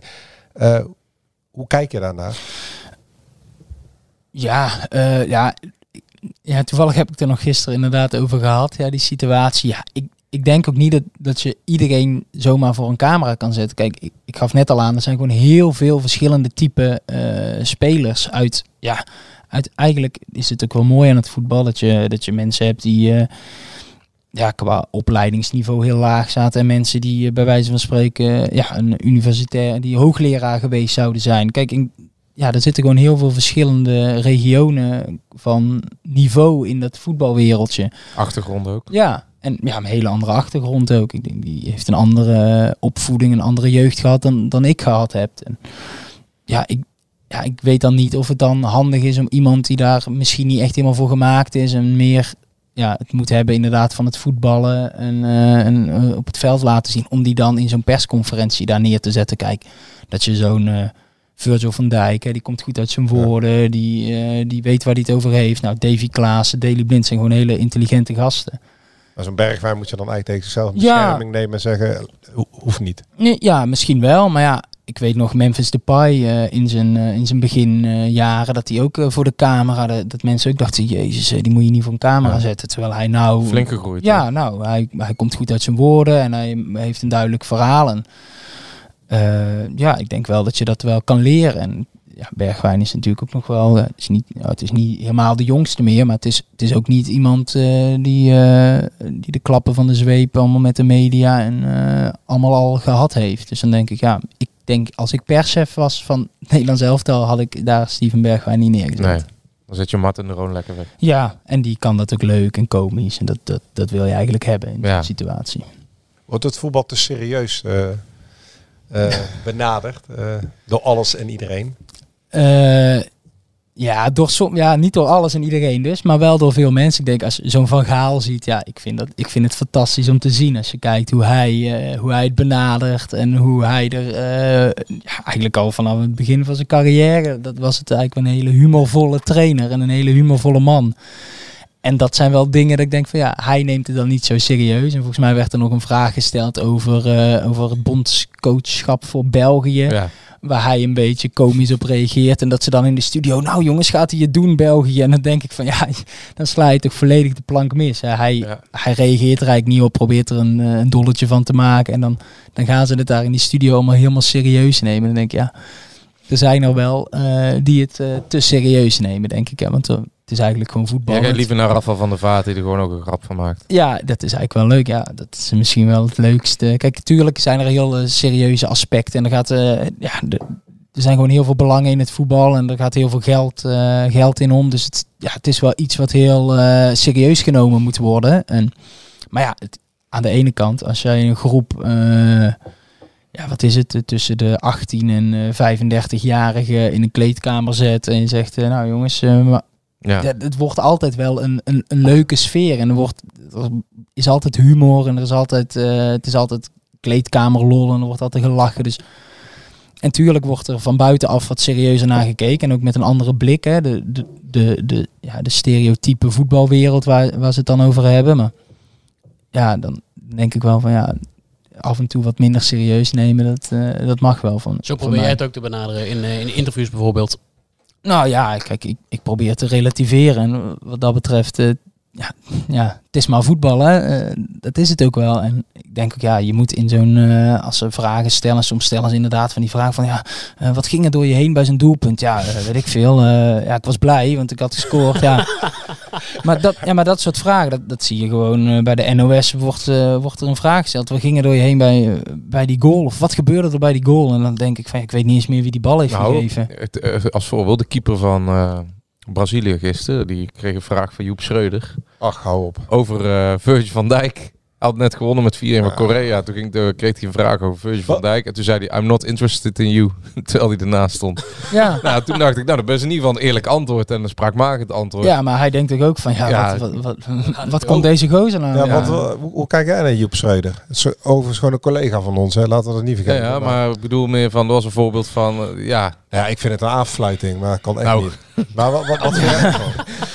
Ja, ik neem die, ik vind het een ongekend goede journalist. Nee, ja, ik vind hem ook maar een beetje, ja, hij, hij doet een beetje daar eh, vragen stellen. Ja, hij is daar een beetje de open deur aan het intrappen. Jawel. En, Hij roept wel een emotie bij op, dus ergens... eh, Maar ik zit mij serieus af te vragen, meen ik echt. eh, Die, die zit daar op kosten van een belastingbetaler. ja, Is maar... het- wat is, ja. wat- nee, helemaal niet. Ja. Wat, wat is nou de reden van de NOS om deze man toernooi na toernooi na toernooi naar zo'n toernooi te sturen? Ja, zij vinden hem... nou, goed. hij Ja, is ja, natuurlijk ja, wel ja. een gezicht wat, wat herkenbaar is voor de mensen. Dus het is wel dat ze weten, oh, Joep Schreuder is weer bij het WK. Net als met de Ja, Olympische hij krijgt, Spelen. hij krijgt wel Lewandowski te spreken, dus je kan ook die denken... niet spreken, die spreken je als rechthebbende. Ja, ja, doe je ja. een Ja, maar het is wel fijn. De mensen willen ook eh, een, een bekend gezicht hebben. Van, Ja. eh, nou, dat zie je wel, Dan hè? kunnen ze jou toch ook wegzetten, joh? Dan kunnen Nou ze mij ja, dan wegzetten. kunnen ze mij. Ik wil best een vakantie Qatar. eh, een beetje padellen met Rafael daar. Dat vind ik echt geen Ja. enkel probleem. Dan kan je gelijk met Pierre je nieuwe contract eh, Ik bespreken. moet zeggen, moet Rafael wel even, even wat fitter worden. Want ik denk dat hij weinig ballen terug slaat. Ja. anders. Maar, maar nee, ja, dat is niet. eh, dat zijn ook wel ja, journalisten. Maar misschien is het ook wel in de. Hebben ze een beetje opdracht gehad. Hè, van eh, nou, Joep Schreuder zetten we er naartoe. Die zal daar niet altijd kritische vragen stellen. En die zal daar een beetje mee lullen met, eh, met hetgeen wat, eh, wat daar leeft. Ze weten ook wat, wat ze sturen natuurlijk. Ja, ze weten, nou, ze weten wat ze kunnen verwachten. Je weet dat je geen rechtszaak aan je broek Ja, hebt wat met ik, Joep Schreuder. wat Ja. heel mooi was dat die Jan Vertongen na de uitschakeling eh, ehm, voor de camera kreeg. En dat hij toen zei, eh, ja, jij bent toch de aanvoerder van België? Toen zei hij, ik ben helemaal geen aanvoerder van België. toen zei hij, eh, nee, de Bru- oh nee, dat is de Bruine. Nee, ja, de Bruine is ook helemaal geen aanvoerder van België. Ja, toen was het interview klaar. Bij PSV hebben ze ooit eens een keer, toen moest ze ook naar een persconferentie. Vroeg eh, Joep, wat is er met Luc de Jong? Toen had iemand gezegd van ja, eh, hij heeft een liesblessure of een herstel van een lies. Dus een van de eerste vragen, quasi serieus, vroeg hij aan Philip Cocu, destijds trainer. eh, ja, hoe is het met de liesblessure van Luc de Jong? Waarop Philip Cocu zei van, eh, hè, waar heb je het over? Omdat ja, iemand had hem dat ingefluisterd om hem voor de gek te houden. Dus zo, zo iemand Ja, vertegenwoordigt dan eh het Nederlandse journaal. ja, ik moet wel zeggen, Ja. hij roept een eh, emotie bij je op. En je hebt hem nu al, ja, we lepelen nu alweer een paar dingen op die we hebben eh, onthouden. Dus, dus ergens doet hij natuurlijk ook... ja, eh, het, is, een entertainment. spraakmakende ene Het is televisieman entertainment natuurlijk. Ja, Nou ja, het is niet degene die daar eh, even eh, top eh, journalistiek, jour- Nee. journalistiek gaat. eh. ja, maar ja, daar zit de tv-kijker misschien ook helemaal niet op te wachten. Nee, die wil ook gewoon lekker. Ja, die zit eigenlijk die wedstrijd te kijken. Die vindt, Ja. Ik vind het ook altijd wel leuk als ze een beetje hoe daar voetballen. Maar soms dan denk ik ook van, oh, nou, ik bedoel, al de vierde keer het interview van Vergaal dat hij Ja, bondscoach ja, ja, wordt van precies. België. denk je nou, ah, het is Nou, allemaal wel herkauwen een beetje wat ze doen. Over relativeren gesproken. Zondag Willem 2.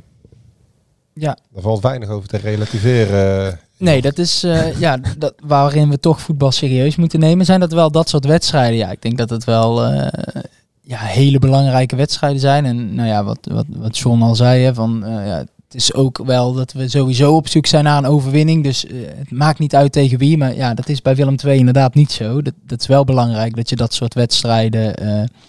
ja, eigenlijk je, je, je publiek weer terugwint, denk ik. En ik denk dat dit soort wedstrijden daar ideaal voor zijn. En Een paar weken geleden vertelde je, ehm, ik zou het heel jammer vinden als er geen publiek bij de uitwedstrijden aanwezig zou mogen zijn. Ehm, zeker eh, voor NAC nu in Tilburg. Waarom eh, vind je dat zo jammer? Ehm, ja, ik vind het altijd wel mooi. Kijk, als je scoort en er wordt ja, uit een hoek gejuicht, eh, hoe klein die hoek dan ook is, ja, dat, dat geeft wel extra leven in zo'n wedstrijd. En, en dat mis je nou wel een beetje. Dus ja, je scoort en dan is een heel stadion leeg, terwijl je zelf met, eh, nou ja, hoeveel man ben je daar? 25. Wel die euforie hebt. eh, en dan hoor je verder niks. En dat vind ik dan altijd wel een beetje een, eh, een, een, ja, een trieste Ja. gedachte. Wij zijn er wel, Dennis. Wij zijn er wel. Wij Mogen wij wel komen? Ja. Gaan wij in het geel Alleen ik hoor, ik heb al gehoord dat NAC-functionarissen niet met het clubkostuum eh, naar Echt? Tilburg gaan. Ja. Omdat?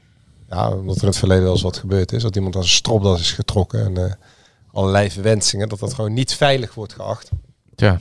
Zover zijn we gekomen, Jort. Ja, maar ik denk ook dat het, dat het allemaal wel meevalt. Want eh, ja, er zal echt wel een keer een incident geweest zijn. Maar Kun je dat ergens nou- intrinsiek begrijpen dat een supporter, of die nu, je hebt ook bij Den Bosch gezeten, eh, of nu bij Den Bosch of eh, NAC of God mag weten welke club, eh, echt wakker kan liggen. Of dat zijn weekend echt ehm, ehm, ja, weg is naar de Galamise is omdat zijn club een wedstrijd verliest. En zeker zo'n wedstrijd. Eh, ja, ik kan nou een heel politiek correct antwoord. Nee, niet doen. maar nee, dat snap ik echt niet. Nee, ja, kijk, eh, en ik heb dat ook. Ik ben ook nooit echt echt supporter geweest van een, eh, van een club. Maar ja, dus ja, voor mijn gevoel ja, kan ik dat niet begrijpen. Maar ik heb wel echt mensen gesproken over, ja, over, over clubliefde dan. Hè? Dat je denkt, van die, die echt helemaal bezeten zijn van zo'n club. Hè? Dat als ze moeten kiezen tussen de, tussen de vrouw en de club. Nou, dat is een- meteen de club. Eh, tussen de kinderen en de club. Dus dat, dat ik ze nog na zie denken. Dat ik denk, ja, dat is toch ongelooflijk. Ik zat ook even na te denken hoor. Ja, dat je denkt, hoe, hoe, hoe- ja. En dat, dat idee, dat, eh, ja, dat, heb, dat heb ik niet. Dus ik, ja, ik denk niet van dat ik dan wakker zou kunnen liggen omdat de club... Kijk, als Nederland zelf al verliest eh af, eh, komende wedstrijd, eh, of je nou ook eh, hoopt dat Argentinië wint of niet, ja, dan, dan, eh, ja, dan, dan denk ik, ah ja, vervelend. Ja, maar... Kan je ja. ook wel gefrustreerd zijn? Want het voetbal is toch ook wel iets, en het maakt het spel juist ook heel mooi dat het juist emo- emotie oproept. Want eh, het is tegenwoordig wordt het ja, makkelijk eh, ja, een beetje gedaan alsof het heel gek is dat eh, mensen dan eh, gefrustreerd zijn of zelfs een beetje verdrietig of juist heel euforisch. Maar dat maakt toch misschien de sport die jij beoefent en de plaats waar jij komt, de stadions, het feit dat daar zoveel geld in omgaat, dat maakt het toch ook de sport die het is misschien. Oh ja, zeker. Maar ik, ik, ik heb ook daar ook op het veld Ja. heb ik dat, heb ik dat wel. Hè. Kijk, ik, ik kan echt ja, enorm gefrustreerd raken op een scheidsrechter of dat dingen niet lukken. Of dat, maar als een wedstrijd af is gelopen, dan is het afgelopen. Ja. En dan, dan, dan, eh, ja, dan zit je daar nog wel even mee. En als je echt een kutwedstrijd hebt gespeeld, dan, eh, dan slaap je slecht. En, maar dan, ja, Ja, precies. op die zaterdag ben ik het eigenlijk echt wel weer kwijt. Maar he- heb je bij die mensen ehm eh, door met ze in gesprek te gaan, door met ze te praten ehm, eh, en- geïnteresseerd te zijn in eh, waarom ze zo eh, opgaan in hun clubliefde, een antwoord kunnen krijgen waarom zij dat zo beleven, waarom dat voor hen zo belangrijk is? Ehm, ja, ja. Kijk, dan ben je nog steeds wel op het punt van, ja, snap ik waarom ze dat hebben? Ehm, ja, ik, ik kan me dan in hun inleven. Dat het, het is voor hun ook, ook echt alles. Dus het is, het is, het is familie, het is, het is de plek waar ze, waar ze geaccepteerd worden, waar, iedereen gelijk is. Waar of je nou eh, de volgende dag eh, stoeptekens aan het leggen bent of eh, als rechter in een rechtszaal zit. Ja, het maakt allemaal niet uit en het is allemaal, iedereen is gelijk daar.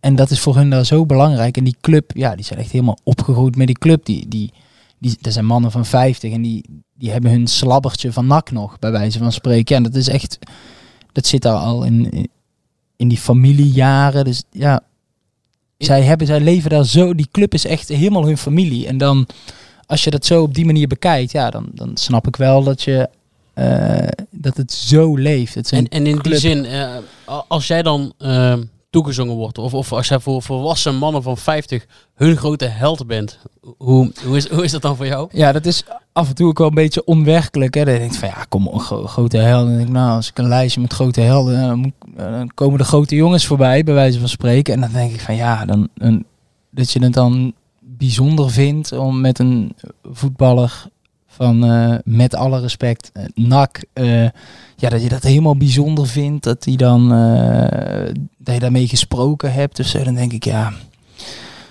ja, het zijn allemaal hele, eigenlijk hele normale gasten voor het, voor het grootste gedeelte dan. En Ja. ja, die, die, hebben, die komen daar ook gewoon thuis en bij hun vriendin of die komen bij hun ouders thuis of bij hun vrouw. En die denken, ja, nou, de vraag is ook gewoon, eh, ja, was het leuk op het werk? En, Tegen ook eh, de onderbroek aan s ochtends. Ja, Ja, ze staan ook wel eens in de supermarkt. Nee, ja, wat dat betreft heb ook- je eigenlijk het helemaal Ja. hetzelfde leven, alleen ja, je doet iets anders. Die moet ook de gasrekening betalen. Jocht. Ja, nou, en vooral met een slecht geïsoleerd huis. hoe staat eh, het ermee? Ja, dat, ja, de isolatie, dat eh, laten wensen over. En die gasrekening, eh, ben blij als ze daar elke maand weer die eh, compensatie eh, storten. Maar dat, ja, dat is wel een dingetje. Ja, we wel blij met het prijsplafond vanaf 1 januari. Ja, nou ja, ik ben natuurlijk ook politiek heel, eh, heel actief. Dus eh, sowieso de energiemaatschappijen die, eh, ja, die maken goede winsten, Maar heb ik weer gehoord. Dus, eh, politiek actief? Eh, Zou, zou je lijstduwer of ooit... Oh, of ja, lijsttrekker zelfs. Ja. Ja. waarom niet? Maar nee, eh, eh, ooit? Of, eh, Nee, ja, ik, ja, ik, ben, ik ben wel politiek. eh, ik lees nog wel boeken af en toe over, eh, over politieke dingen. En eh, ik volg het allemaal wel. En eh, het nieuws. En ik weet wel een beetje hoe het, eh, hoe het eh, zit in de Tweede Kamer. En, Maar het is nou niet dat ik nou denk van ah, ik een politieke carrière eh, in, het, eh, in het verschiet heb. Nee. Het interesseert je gewoon zoals... Ja, en ik vind het wel heel leuk. En ik vind ook dat je mensen moet eh, overtuigen van de verkeerde mening die ze hebben. Hè? Of, of dat je ze een beetje een, een duwtje in de goede richting hebt. Wat ik vind, hè? want wat dat betreft is het, Ja. is het allemaal wel een beetje een mening. Sommige gebaseerd op iets, iets, iets meer feiten en sommige op iets meer gevoel. Maar ja, ik vind dat politieke dingen, dat vind ik, eh, ik vind het interessant om over te praten. En ik vind het interessant om eh, met mensen over te sparren. Alleen, eh, ja, of, ik nou een politieke carrière voor mezelf zie, dat, dat, heb ik, dat heb ik nog niet zo. Maar ja, er kan veel veranderen. Over deze voetbalcarrière gesproken dan. Ehm, hoe, hoe zie je die? Want je, hebt nog wel een aantal jaartjes te gaan. Wat, wat zijn verder nog jouw grote dromen? We hadden het daar straks over Las Palmas, Ibiza. Maar, een politiek correct antwoord. Iedere voetballer zegt, het buitenland wil ik ook nog wel een keer mee. en, en hij zegt, ja. maar ik focus me nu op NAC. Ja, ja. Oh ja, klopt. Dan moet je niet vergeten bij te Oké, zeggen. ja. Nou ja, als eerste wil ik zeggen dat ik me wel echt op NAC focus eh, op dit moment. En je heel erg eh, thuis voelt Ja, ik voel me heel erg thuis. En, nee, maar dat, dat is ook zo. En NAC was voor mij ook wel een, een club die eigenlijk wel perfect paste in mijn... eh, het was niet dat ik een carrière uitgestippeld had, helemaal niet zelfs. Maar ja, het paste wel mooi in, in de stap die ik wilde zetten. Eh, eigenlijk een, een grote club in de, in de keukenkampioen-divisie. eh, eigenlijk de grootste in mijn ogen. En een volksclub. En dat, dat zijn wel dingen wat, wat mij wel trekt aan de club. En ja, dus wat dat betreft was het wel een, een, een goede stap die ik wilde maken. Misschien wel de beste stap die ik had kunnen maken. Nou, de resultaten blijven een beetje uit. Maar ja, dat, dat weet je van tevoren allemaal niet. Maar ja, mijn carrière, ja, ik vind het ook altijd lastig om te zeggen van wat wil je laten. Ja, misschien ook wel heel cliché. Ja, het hoogst haalbare, hetgene wat er, wat er echt in zit, dat wil ik eruit halen. En als een eh, ja, als echt voetballer moet je ook zeggen dat het buitenland wel, eh, wel interessant is. Ja, ik vind het, maar ik vind het ook wel, wel echt, omdat Welk Ja. buitenland is interessant dan? Ja, nou, ik zou niet. eh, per se- Stende. Nee, ja. Ja, maar ik zat bijvoorbeeld bij Jocht aan België. Scandinavië te denken of zo. nou ja, ik denk dat ik wel dat eh, Ja. wel heel mooi vind. Ja, Noor- Scandinavië. Noorwegen daar, eh, richting eh, de Poolcirkel. Ja, dat verbrand je, in de, dat verbrand je minder snel in de winter, dat scheelt er wel. Nee. Ja, maar ik vind het wel hele mooie landen. En ik heb altijd wel in het buitenland eh, willen wonen en, en het avontuur aan willen gaan. En ik denk dat het met voetbal dan eh, best wel een mooie optie is. Eh, ik denk dat er weinig werk zo eh, mobiel is en flexibel is als, als voetballer. Want er zijn spelers die hebben misschien in, in een 15-jarige carrière 20 clubs gehad. En die hebben de hele wereld gezien. Ja, Ja, wel een beetje binnen je... Je speelt zondag tegen een spits. Die heeft volgens mij eh, 16 clubs of zo gehad. Bokila. Van Willem II. Ja, nou, dan heb je... Ik Ja. Daar kun je negatief over heeft zijn. heel maar- Europa gehad volgens mij. Maar het is wel mooi als je op mooie plekken geweest bent. En je hebt, eh, ik ken er ook, die eh, hebben in, in Kopenhagen gewoond. Omdat ze daar gevoetbald hebben. Ja. Dan denk ik, ja, dat is toch mooi dat je, dat je nog in Kopenhagen gewoond hebt. Maar we, we kennen nog oud-speler van NAC, Jordi Buis. Die speelt al drie, vier jaar of langer in eh, Japan. Heeft in Australië gespeeld. Dat, dat lijkt me ook wel landen die je als mens enorm Ja, verrijken. precies. Ja, ik zou, kijk, ik zou niet naar het Oostblok gaan om daar een, eh, ja, een, ja, een goed salaris te Ja. verdienen. Nou, elke maand spannend of je het krijgt. En, eh, Ja, de- Richard van der Venne bijvoorbeeld speelt bij eh, Adelaide, Ja. denk ik zo. eh, City. Maar ook in Australië. ja. ja. Ik weet niet of dat Adelaide is. Maar, Maar in ieder geval Australië. Ja, maar dat zijn wel landen. eh, nou, ik moet even Richard vragen hoeveel zonnebrand hij kwijt is per Ja. maand. Maar Hij heeft ook wel nodig. ja, dat denk ik ook. Ja. Maar dat zijn wel overwegingen. Jij bent niet iemand, denk ik, die tot zijn 35ste ehm, weer eh, naar dezelfde club in Nederland moet eh, voor de competitie. Nee, nee. En dat, ik vind het buitenland vind ik, vind ik hartstikke mooi. Ik denk dat de wereld ja, te groot is om, Maar eh, om alleen hier te blijven. Moet ja. ook natuurlijk voorbij komen en het plaatje moet kloppen. ja, dat en, is ook. eh, Kijk, voor hetzelfde geld komt er niks voorbij. Dan eh, hoort, eindig ik op mijn 34ste bij, even kijken, bij Telstar.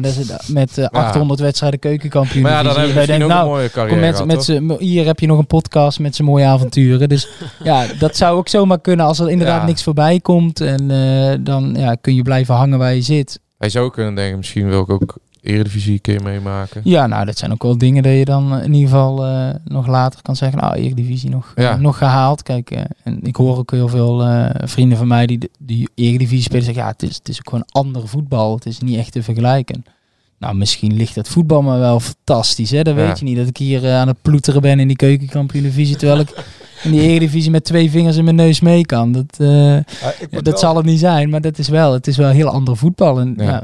Dat hoor je vooral en dat wil je misschien ook wel eens meemaken. En dan moet het ook allemaal maar toevallig op je pad komen, een beetje geluk hebben. Maar Wij waren wel verrast, tenminste ik, eh, door jouw technische bagage. Wij hadden toch, eigenlijk, want John benoemde eigenlijk alle stereotypen. Ja, behalve helaas. dat- Helaas, ja. Behalve dat technische aspect. Maar ja, maar ik, weet hem, eh, toen eh Jocht gecontracteerd werd, zo Mario Bilate, die eh, natuurlijk eh, al wel eens een aantal wedstrijdjes tegen jou gespeeld. En met mij gespeeld, hè, bij en, Den Bosch. en met Ja. jou gespeeld, die zei, eh, nou Jocht is eigenlijk niet echt een 9, maar een 9,5. Juist iemand die eh meevoetballende spits is, graag in de bal komt, aan de bal is. Technisch. En eh, nou, wat complimenten Ja. hier. Ja. Eh, volgende Maar- week weer? Of, eh? ja. nou ja, ja, verder hebben we Ja, weinig. Is goed. is goed. In het land der blinden. Ja. Nou, nou, nou. Nee, nee, maar ja, maar hij zei toen al, daar werd inderdaad al snel eh, etiket opgeplakt van hardwerkende eh, spits, eh soort targetman zelfs. Terwijl hij gelijk zei, ja, het is eigenlijk geen echte spits. Het is juist iemand die vaak uit de spits komt en, en de bal in zijn voeten wil hebben. Ja, dat is ook wel. En denk ik van het, van het etiket, dat, daar kom je ook echt, ja, daar kom je gewoon niet vanaf. En, en het is ook wel wat ik, ik ben ook wel een spits. Kijk, ik loop al eh, niet eh, zo soepel als Messi natuurlijk, dus het zwoegt allemaal al een beetje. Dus je krijgt al heel gauw die naam eh, van dat je hard werkt en dat je er vol voor gaat. En, eh, En dan heb je een rode baan. ja, ik wou net zeggen, hè, want als mensen zeggen van, oh, oké, je hebt die naam zo van de harde werken en het valt allemaal wel mee. En ik zeg, ja, je moet gewoon je baag laten staan, Ja. zo wild mogelijk. Ja.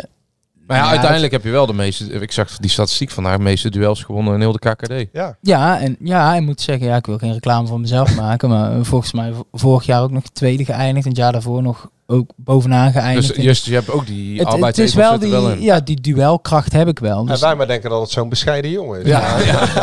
ja, maar hij zit hier ook om Ja, maar- zichzelf te ja. verkopen. ik kwam hier niet om politiek correcte antwoorden te Al die geven. duizenden, duizenden technisch directeuren. Ja. Ja. Dat is ook deze topshow. Nee, maar dat is wel, eh, ja, ik vind mezelf ook wel meer echt voetballer dan iemand die, Ja. die voorin eh, aan het zwoegen is en dan een sliding maakt. En, en dat, Ja. dat komt er ook af en toe uit. Maar eh, het etiket van wat John inderdaad zegt, hard werken en er vol voor gaan. En denk ja, dat is ook wel, maar een beetje een onderbelichte kant vind ik wel het, het meevoetballen. Het, ehm, ja, ik heb, ik heb bij Eindhoven ook nog wel best wel een periode op het middenveld ge- gespeeld. Nou, ik denk niet dat er heel veel spitsen die bekend staan als eh, zwoegen en hard werken en sleuren, dat je die zomaar op Ja. het middenveld op een, misschien wel een controlerende positie. Eh, speel je wel op de beste positie dan? Als je, kan je ook als aanvallende middenvelder bijvoorbeeld spelen? Of, of ben je juist beter als je met een tweede spits eh, speelt? Ehm, ja, ik vind, ik vind mijzelf wel, ik vind de spitspositie wel mijn beste eh, positie. Ik denk wel dat, dat, daar, dat ik daar het beste tot mijn recht kom. Dat denk ik wel. Ehm, maar op het middenveld ja, heb ik ook wel veel gespeeld. En ook op een aanvallende rol eh, op het middenveld. En om een spits heen? Ja, dat ook. Dus dat zijn ook wel eh, posities waar ik, eh, waar ik ook wel gespeeld heb Ja. vroeger. En wat ook wel goed beviel. En, Ja, Ja, moet er bij nakjes nog een spits zijn waar je omheen kan spelen. ja, dat is ook wel belangrijk Ja. natuurlijk. Maar ja, ik denk wel dat, dat ik daarin wel ja, multifunctioneel ben. Ja. Hoe ben jij, eh, ja, met wat voor eh, verhaal ben je eigenlijk eh, bij NAC terechtgekomen? Eh, nou ja, ik zat bij Eindhoven, dat was het eigenlijk. Ehm, en er was toen, mijn contract liep af. Dus dan kun je in januari volgens mij al in gesprek of zelfs tekenen bij een andere Ja, club. ja. Nou ja, het was niet per se dat er heel veel dingen op mijn, eh, mijn pad kwamen. Alleen, eh, ja, op een gegeven moment eh, belde mijn zaakwaarnemer mij. En die zei van, nou, ja, wat vind je van NAC? Ik zei, nou, dat vind ik wel, ja, dat vind ik wel Ja. mooi. En toen is eigenlijk best wel snel gegaan. Best wel snel een gesprek met destijds nog Edwin de Graaf en ehm, Erik Helmons wel. Ja, en toen, het was wel een beetje lastig, want het was die periode volgens mij met, eh, met die overname van City, dat het eigenlijk al wel rond was en toen weer niet. Dus dat, Volg je dat dan ook allemaal? ja, toen wel, maar daarvoor niet natuurlijk. Want daarvoor, ja, ik, eh, ik was hier wel eens in Breda, omdat eh, familie woont hier natuurlijk in de buurt. En eh, toen hing volgens mij dat spandoek wel bij de, bij, Ja, bij de haven. ja, bij de haven al. Dus dus dacht ik, oh nee, dat gaat lekker hier. Eh, dus die periode ja, hadden ze eigenlijk eh, interesse. En het was eigenlijk best wel snel dat we, dat we tegen elkaar gezegd hadden... nou, dit is wel een mooie, mooie match en, eh, en we gaan ervoor. Alleen ja, toen moest het nog wel langs heel veel mensen. Volgens mij Citigroep heeft nog een akkoord ergens gegeven. En achteraf niet zo heel veel waard natuurlijk. Oh ja, echt waar? Ja, volgens mij wel. Is het, toen was het echt wel van, nou ja, het moet langs een hele RVC, maar ja, die hadden, die, Maar ze- die hadden het iets drukker dan... Maar op het eh, moment, eh, City heeft eh, op papier akkoord. Nou, nee, dat weet ik niet. Hè. Dat, Maar jij kreeg te horen dat City ook akkoord was met jouw overgang. ja, nou, het was niet dat hij ertussen... Het moest nog, lang, het moest nog langs de RVC, het moest nog langs, langs Citigroep. En ja, nee, ik zit hier dus. En toen was het volgens mij nog niet eh NAC is Breda. eh. Ja, ja de, de vorige Ja. aandeelhouders, eh, die, de grote aandeelhouder had toen een akkoord voor 7 miljoen euro met de City voetbalgroep. ja, dat klopt. Ja, ja. ja, ik weet niet precies ja, de, die, die ins en outs. Die weet niet. opwindende gedachte dat Jort van der Zanden gewoon over het bureau van Pep Guardiola Ja, gaat. nou sterker Nou nog. ja, Voor een van New onze- York City, Nou, eh, Pep, Er stond ook een optie en dat zit hij hem zo ook al onderweg pikken. nou, Pep Palermo. Ja, het is dat Haaland begon te scoren, maar anders had ik nu denk ik bij City. Nee, maar dat eh, zo ja. Pep daar zit met Beker Stijn. Nou, dit wordt onze eh, nieuwe satellietclub, Ja. Breda. En dit wordt de spits van ons, van ons Nederlands Ja, filiaalteam. Of, de, of hij dacht van, dat wordt de derde spits. Het kan natuurlijk ook van, oh, die kan wel invallen, hard werken. en, Bekend met de KKD. Ja, Ja, kent, de- kent de klappen van de werken, ja. Ja, dat zou ook zomaar kunnen. Maar eh, volgens mij is daar wel dus een akkoord eh, Ja. opgegeven. Dus dat was, dat dacht ik al, nou, eh, die hebben er verstand van daar. eh. Jij, sloeg eigenlijk aan ook op eh, de naam en de status van de club NAC en de grootte misschien van die Ja, club. nou ja, kijk, ik weet nog dat de, de wedstrijd NAC uit was eigenlijk de mooiste wedstrijd. En bij Den Bosch heb ik hem één keer meegemaakt vanuit de tribune. Helaas niet geselecteerd voor de eerste 18 was het nog destijds. En bij Eindhoven heb ik volgens mij alleen de wedstrijd zonder publiek gespeeld. Oh, de hier. Hier in die 0-0. Vrie- Hier in die Vrieskou. Oh, Ja. Ja. Die, overdag 0-0. gespeeld werd Ja. toen. Ja, ik, ja, volgens mij. Ja, klopt ja. Nee, die hebben. Ja, die hebben. ja, dat was- geen 0-0, denk ik. Ik was 2-1 verloren, denk ik. Of 1-0 verloren. Toen scoorde. Nou, heet hij nou? Dat was ook een huurling. Van, Fiorini, die scoorde toen. ja, afstandsschot. Ja, volgens mij verloren wij toen 2-1. Dus dat was hier was zon- zonder publiek. En het jaar daarna, volgens mij, was inderdaad die 0-0 wedstrijd. En dat was ook zonder publiek. Dus Ja, die bedoel ik. ja, dus het was wel, ja, NAC uit was wel de, eigenlijk de mooiste wedstrijd. Ik denk dat iedereen in de keukenkampioen-divisie dat ook wel heeft. Van, oh ja, NAC uit, dat, is, Ja. dat zit hier vol en er is sfeer. En je hebt echt wel de, de eredivisie-sfeer. En misschien nog wel bij de, bij de grotere eredivisieclubs de sfeer in de keukenkampioen-divisie. Ja. Nee, ik denk dat mensen liever NAC uitspelen dan, dan Telstar uit, bijvoorbeeld. Dat ze denken van, ja, dat is een beetje... En daar sloeg jij ook op. eh, nou ja, en ja, ik, NAC is, kijk, ik ben een Brabander en ik ken, eh, ik ken de clubs hier wel een beetje. En ik vond NAC wel altijd een club, eh, ja, dat was al eigenlijk altijd de Eredivisie.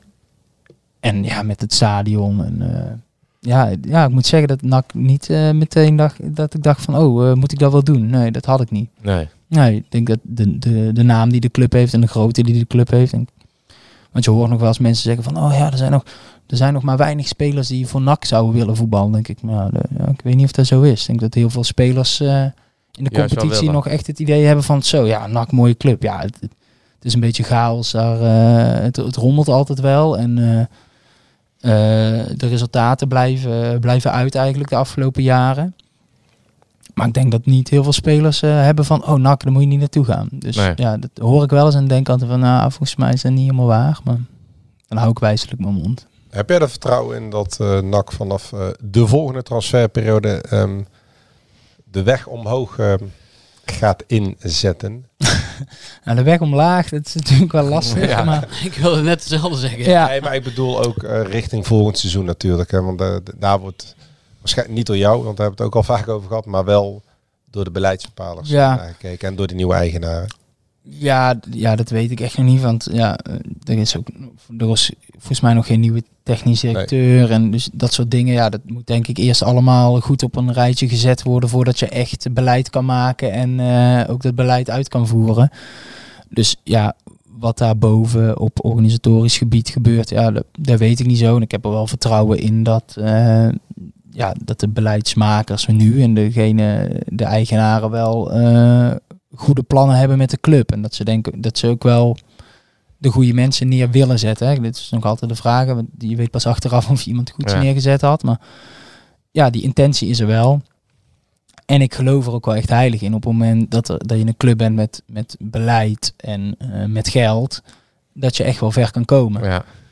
En dat, het- ja, dat als ze de intentie hebben om goed beleid neer te zetten, en dat hebben ze, eh, dan moeten ze het alleen, dan moeten ze het alleen nog uitvoeren.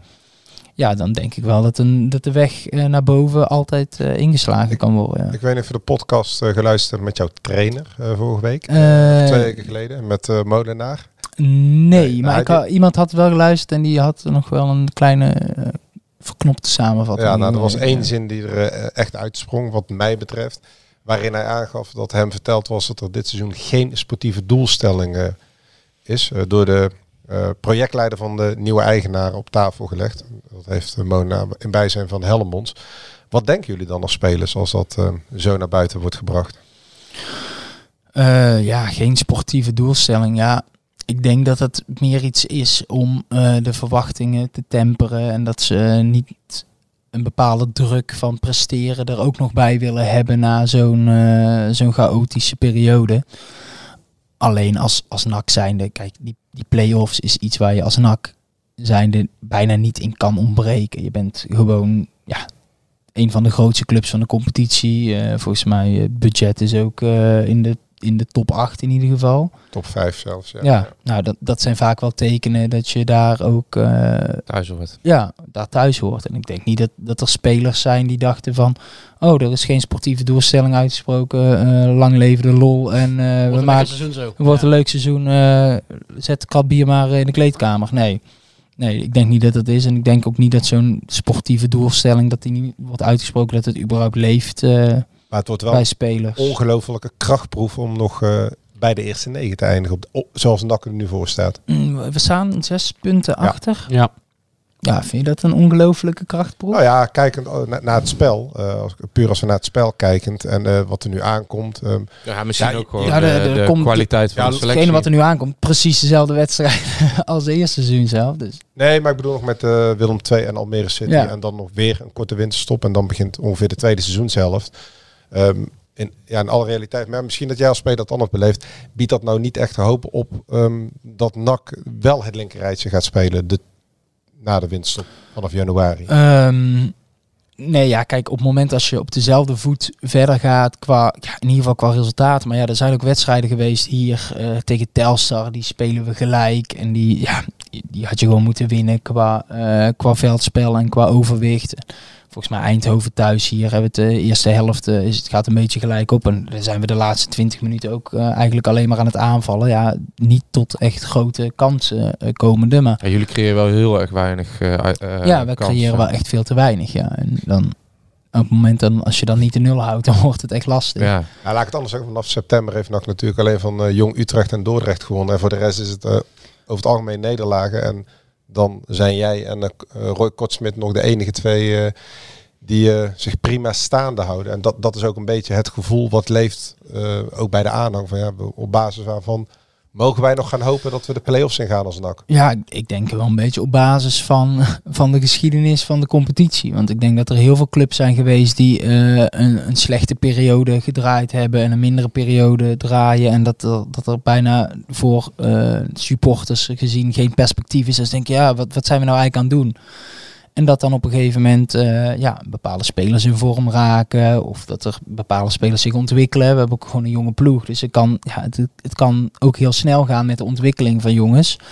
En dat ze wat meer ervaring hebben na een halfjaartje spelen hier. Gewend zijn aan eh, het publiek. En, ja, ik weet niet wat, wat al die bepaalde factoren die invloed hebben. Maar Denk je niet dat er ook gewoon eh, jongens bij moeten daarvoor? Omdat je, je speelt met, zelfs de, trainer zei het ook twee weken terug. Ja, in principe in elke linie zou je het liefst nog eh, een speler eh, met wat wedstrijden op de teller erbij gaan krijgen. Omdat, omdat je op dit moment gewoon, eh, je mist eigenlijk structuur in je elftal, hebt een beetje leiding. De jonge spelers kunnen zich ook moeilijk ontwikkelen omdat ze niemand eigenlijk hebben om zich aan vast houden. Ja, dan maar- moet jij toch ook ja. wel meer... Ja, het is moeilijk voor jou misschien maar om ik als denk ook speler dat te zeggen. Maar ja, maar ook als speler, maar ook als trainer. Ja, kijk, ik zou, ik zou ook als trainer zeggen, ja, het liefst heb ik in elke, elke linie een hele goede, eh, kwalitatief ervaren speler erbij. Ja, dat heb ik, eh, dat heb ik als speler ook. Dan denk ik, ja, Ja. zoals we echt een hele goede eh, as neer kunnen zetten met ervaring en kwaliteit. En ja, dan, dan, Ja, ga, je, ga je meedoen om de prijs. je Ja, zou maar- ook het gevoel kunnen hebben van... Ik denk dat we er tegenaan zitten te hikken, maar, maar we hebben wel één of twee jongens kunnen ons net over een drempel hebben bijvoorbeeld. Of je kan denken, ja, twee jongens zijn er altijd lekker bij, maar Ja, maar kijk, we hebben ook bijvoorbeeld blessures gehad. Want net als Danny Bakker, eh, Ja. centraal.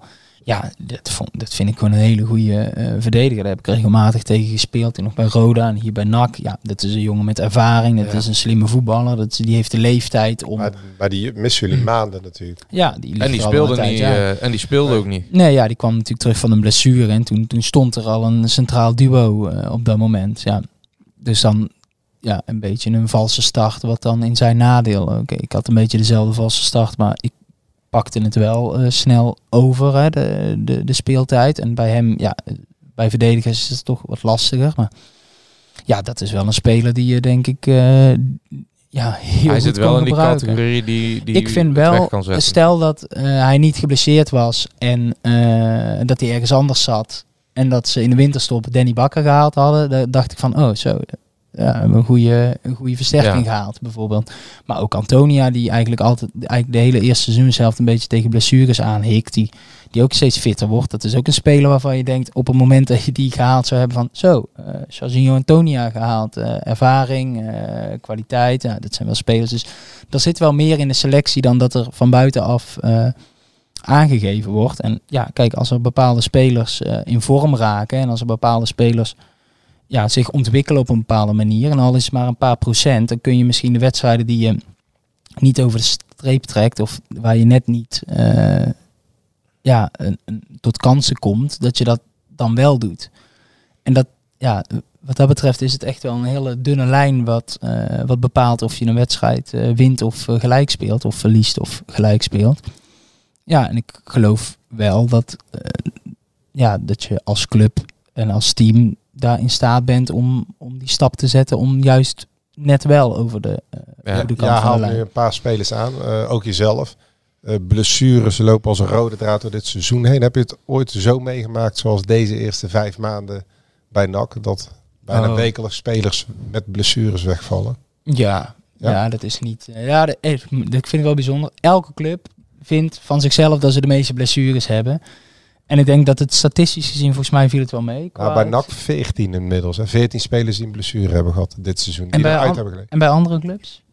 Goeie vraag. Ja, da- als journalist moet je dan je... Eh, zaakjes ja, op orde hebben. Ja, Ja, nee. nee, daar heb je gelijk. Als je dan zo, nee, ja, kijk, wat ik zou, ja, 14 klinkt heel veel, maar stel dat alle andere clubs er 40 hebben, dan denk je, zo, wat doen we het goed. Maar Dus dat is toch heel veel? Eh, Ja, ik vijf weet- maanden tijd. Ja, dat weet ik dus niet of dat Nee. veel is. Kijk, en dus raken bij elke club spelers geblesseerd. Dat is, ik weet nog bij, bij Eindhoven hadden we ook een seizoen, dat was heel toevallig. eh, op carnavalsmaandag volgens mij hadden we 11 blessures. Ja, ja, ja. Op één dag, op één wedstrijddag 11 blessures. Nou ja, en dat was toen op een carnavalsmaandag tegen eh, Jong AZ. Dus het was eh, voor heel veel spelers een, eh, een hele pijnlijke avond natuurlijk. Maar ja, dat heb je gewoon bij elke club. En blessures zijn gewoon inherent aan het voetbal. En eh, kijk, je hebt blessures, je hebt echt verschillende blessures. En contact, kijk, bij Danny Bakker was het gewoon een contactblessure. Een sliding, pads, dat, dat heeft niks met, met, met trainen of medische staf te maken. Dat is een ongeluk wat gebeurt in een wedstrijd. Als iemand door zijn enkel gaat, ja, dan kun je net, ja, dan kun je, kun je zo, zo goed als je wil Ja. daar alles op orde hebben. En eh, alles ja, aangrijpen om een zo fit mogelijke selectie te hebben. Maar ja, als iemand door zijn enkel gaat, heb je niks te vertellen. En dat is wel, dat zijn dingen, ja, of die blessures, ja, of het zoveel Ja. was dit seizoen, ja, ik, ik zou het Ja. eigenlijk niet weten. Ik vind het Ah. niet bizar opvallend. Eigenlijk zijn die, eh, is het gebrek aan kansen keer veel problematischer Ja, natuurlijk. vind ik een groter probleem dan, eh, dan de blessures die we hebben. En natuurlijk mis je de spelers die er, eh, die er niet zijn. En je gaat nog, nog meer spelers missen, want er gaan gegarandeerd nog blessures komen. Dat heb je, dat Ja. heb je altijd. Alleen ja, Ja, die ontwikkeling is ook niet echt ehm, op gang gekomen natuurlijk. Hè. Dat spel is eigenlijk, eigenlijk is, zijn jullie alleen maar eh, aanvallend onmachtiger geworden naarmate het seizoen vorderde met uitzondering van de wedstrijd tegen Dordrecht. Die eigenlijk ook in de eerste helft Ja, hebben ook niet heel veel Ja. gecreëerd eh, in, de, in de eerste helft. Nee. Maar ja, eigenlijk tegen Jong Ajax creëerden we bijvoorbeeld die, de, Ja, de die eerste helft was erg goed. Ja, eigenlijk gigantisch veel kansen. En dan is dat ook wel een beetje het omslagpunt geweest, denk ik. Dat we daar die tweede Ja. helft eh, eigenlijk volledig uit handen gaven. Of eigenlijk dat de Jong Ajax ons ja, bijna overklaste, denk ik. Twee schorsingen aan overgehouden, langdurig. Ja, ook nog. En dan, ja, dan zit het allemaal niet, eh, dan zit het allemaal niet mee. Dus ik heb wel, als je zo terugkijkt op de eerste seizoenshelft, denk ik, ja, dat, dat gaat. Dit is inderdaad niet goed gegaan. En het, het spel was ook niet altijd goed. En eh, we creëren weinig kansen. Maar het is ook niet dat ik denk van, oh, met deze selectie is er geen perspectief om, eh, om de tweede helft een, goed, eh, een goede seizoenshelft neer te zetten. Want ik vind, in principe hebben wij een, eh ja, een keukenkampioen divisiewaardige selectie. Ja, als je kijkt wat voor spelers je hebt en wat voor kwaliteit je hebt, dan denk ik, ja, dat, dan hoor je gewoon thuis in de... In de play-offs. Ja, dat vind ik wel. Ja. Oh, zondag Willem 2. Moet wel wat bewerkstelligen nog. eh. Ja. Mooi moment, toch? Zeker weten, Ik ja. bedoel, bij Willem 2 Zeker. zijn ze het ook eh, het noorden helemaal kwijt. Met nu weer eh, de verandering van systeem. Ja, ja die NAC ook even kort gehad als systeem. Ja, ook nog ja. Dus, eh, Ja. Of ja. spelen jullie zondag eh, weer in dat systeem? ik zou het nog niet weten, nee. En ja, dan even kort, want eh, toch een stukje, je had over Mark van Hintem, had jij eh, vorige week kondigde Ja. jij dat eigenlijk al aan in de podcast. Ja. Nou, ik dacht misschien is het ook handig als de luisteraars wat eh achtergrondinfo. Oh ja, nee, ze hebben met Mark van Hintem gesproken. Eh, zo, ja, eh, wat in de krant stond. Zowel eh, commissaris technische zaken Pierre van Hooydonk als later Toon Gerbrands. En Mark van Hintem heeft, twijfelde, maar heeft besloten om het niet te doen. Omdat hij ook technisch directeur bij Vitesse Willem 2 geweest. En het is een bijzonder stressvolle baan, ervaart hij dat. En ehm, ja, dat, hij zag het niet zitten om, wat wij begrepen hebben, links en rechts, om eh, wederom helemaal op te gaan in het technisch directeurschap. En hij kan nu lekker in de luwte werken met Stan Valks als scout. En eh Ja. adviseur van eh, de gestopte voetballer, eh ik ben voor nou even kijken, Jansen, die van Utrecht. Willem Jansen. Ja, Willem Jansen, die nu bij VVV in de leer is en de technisch manager is.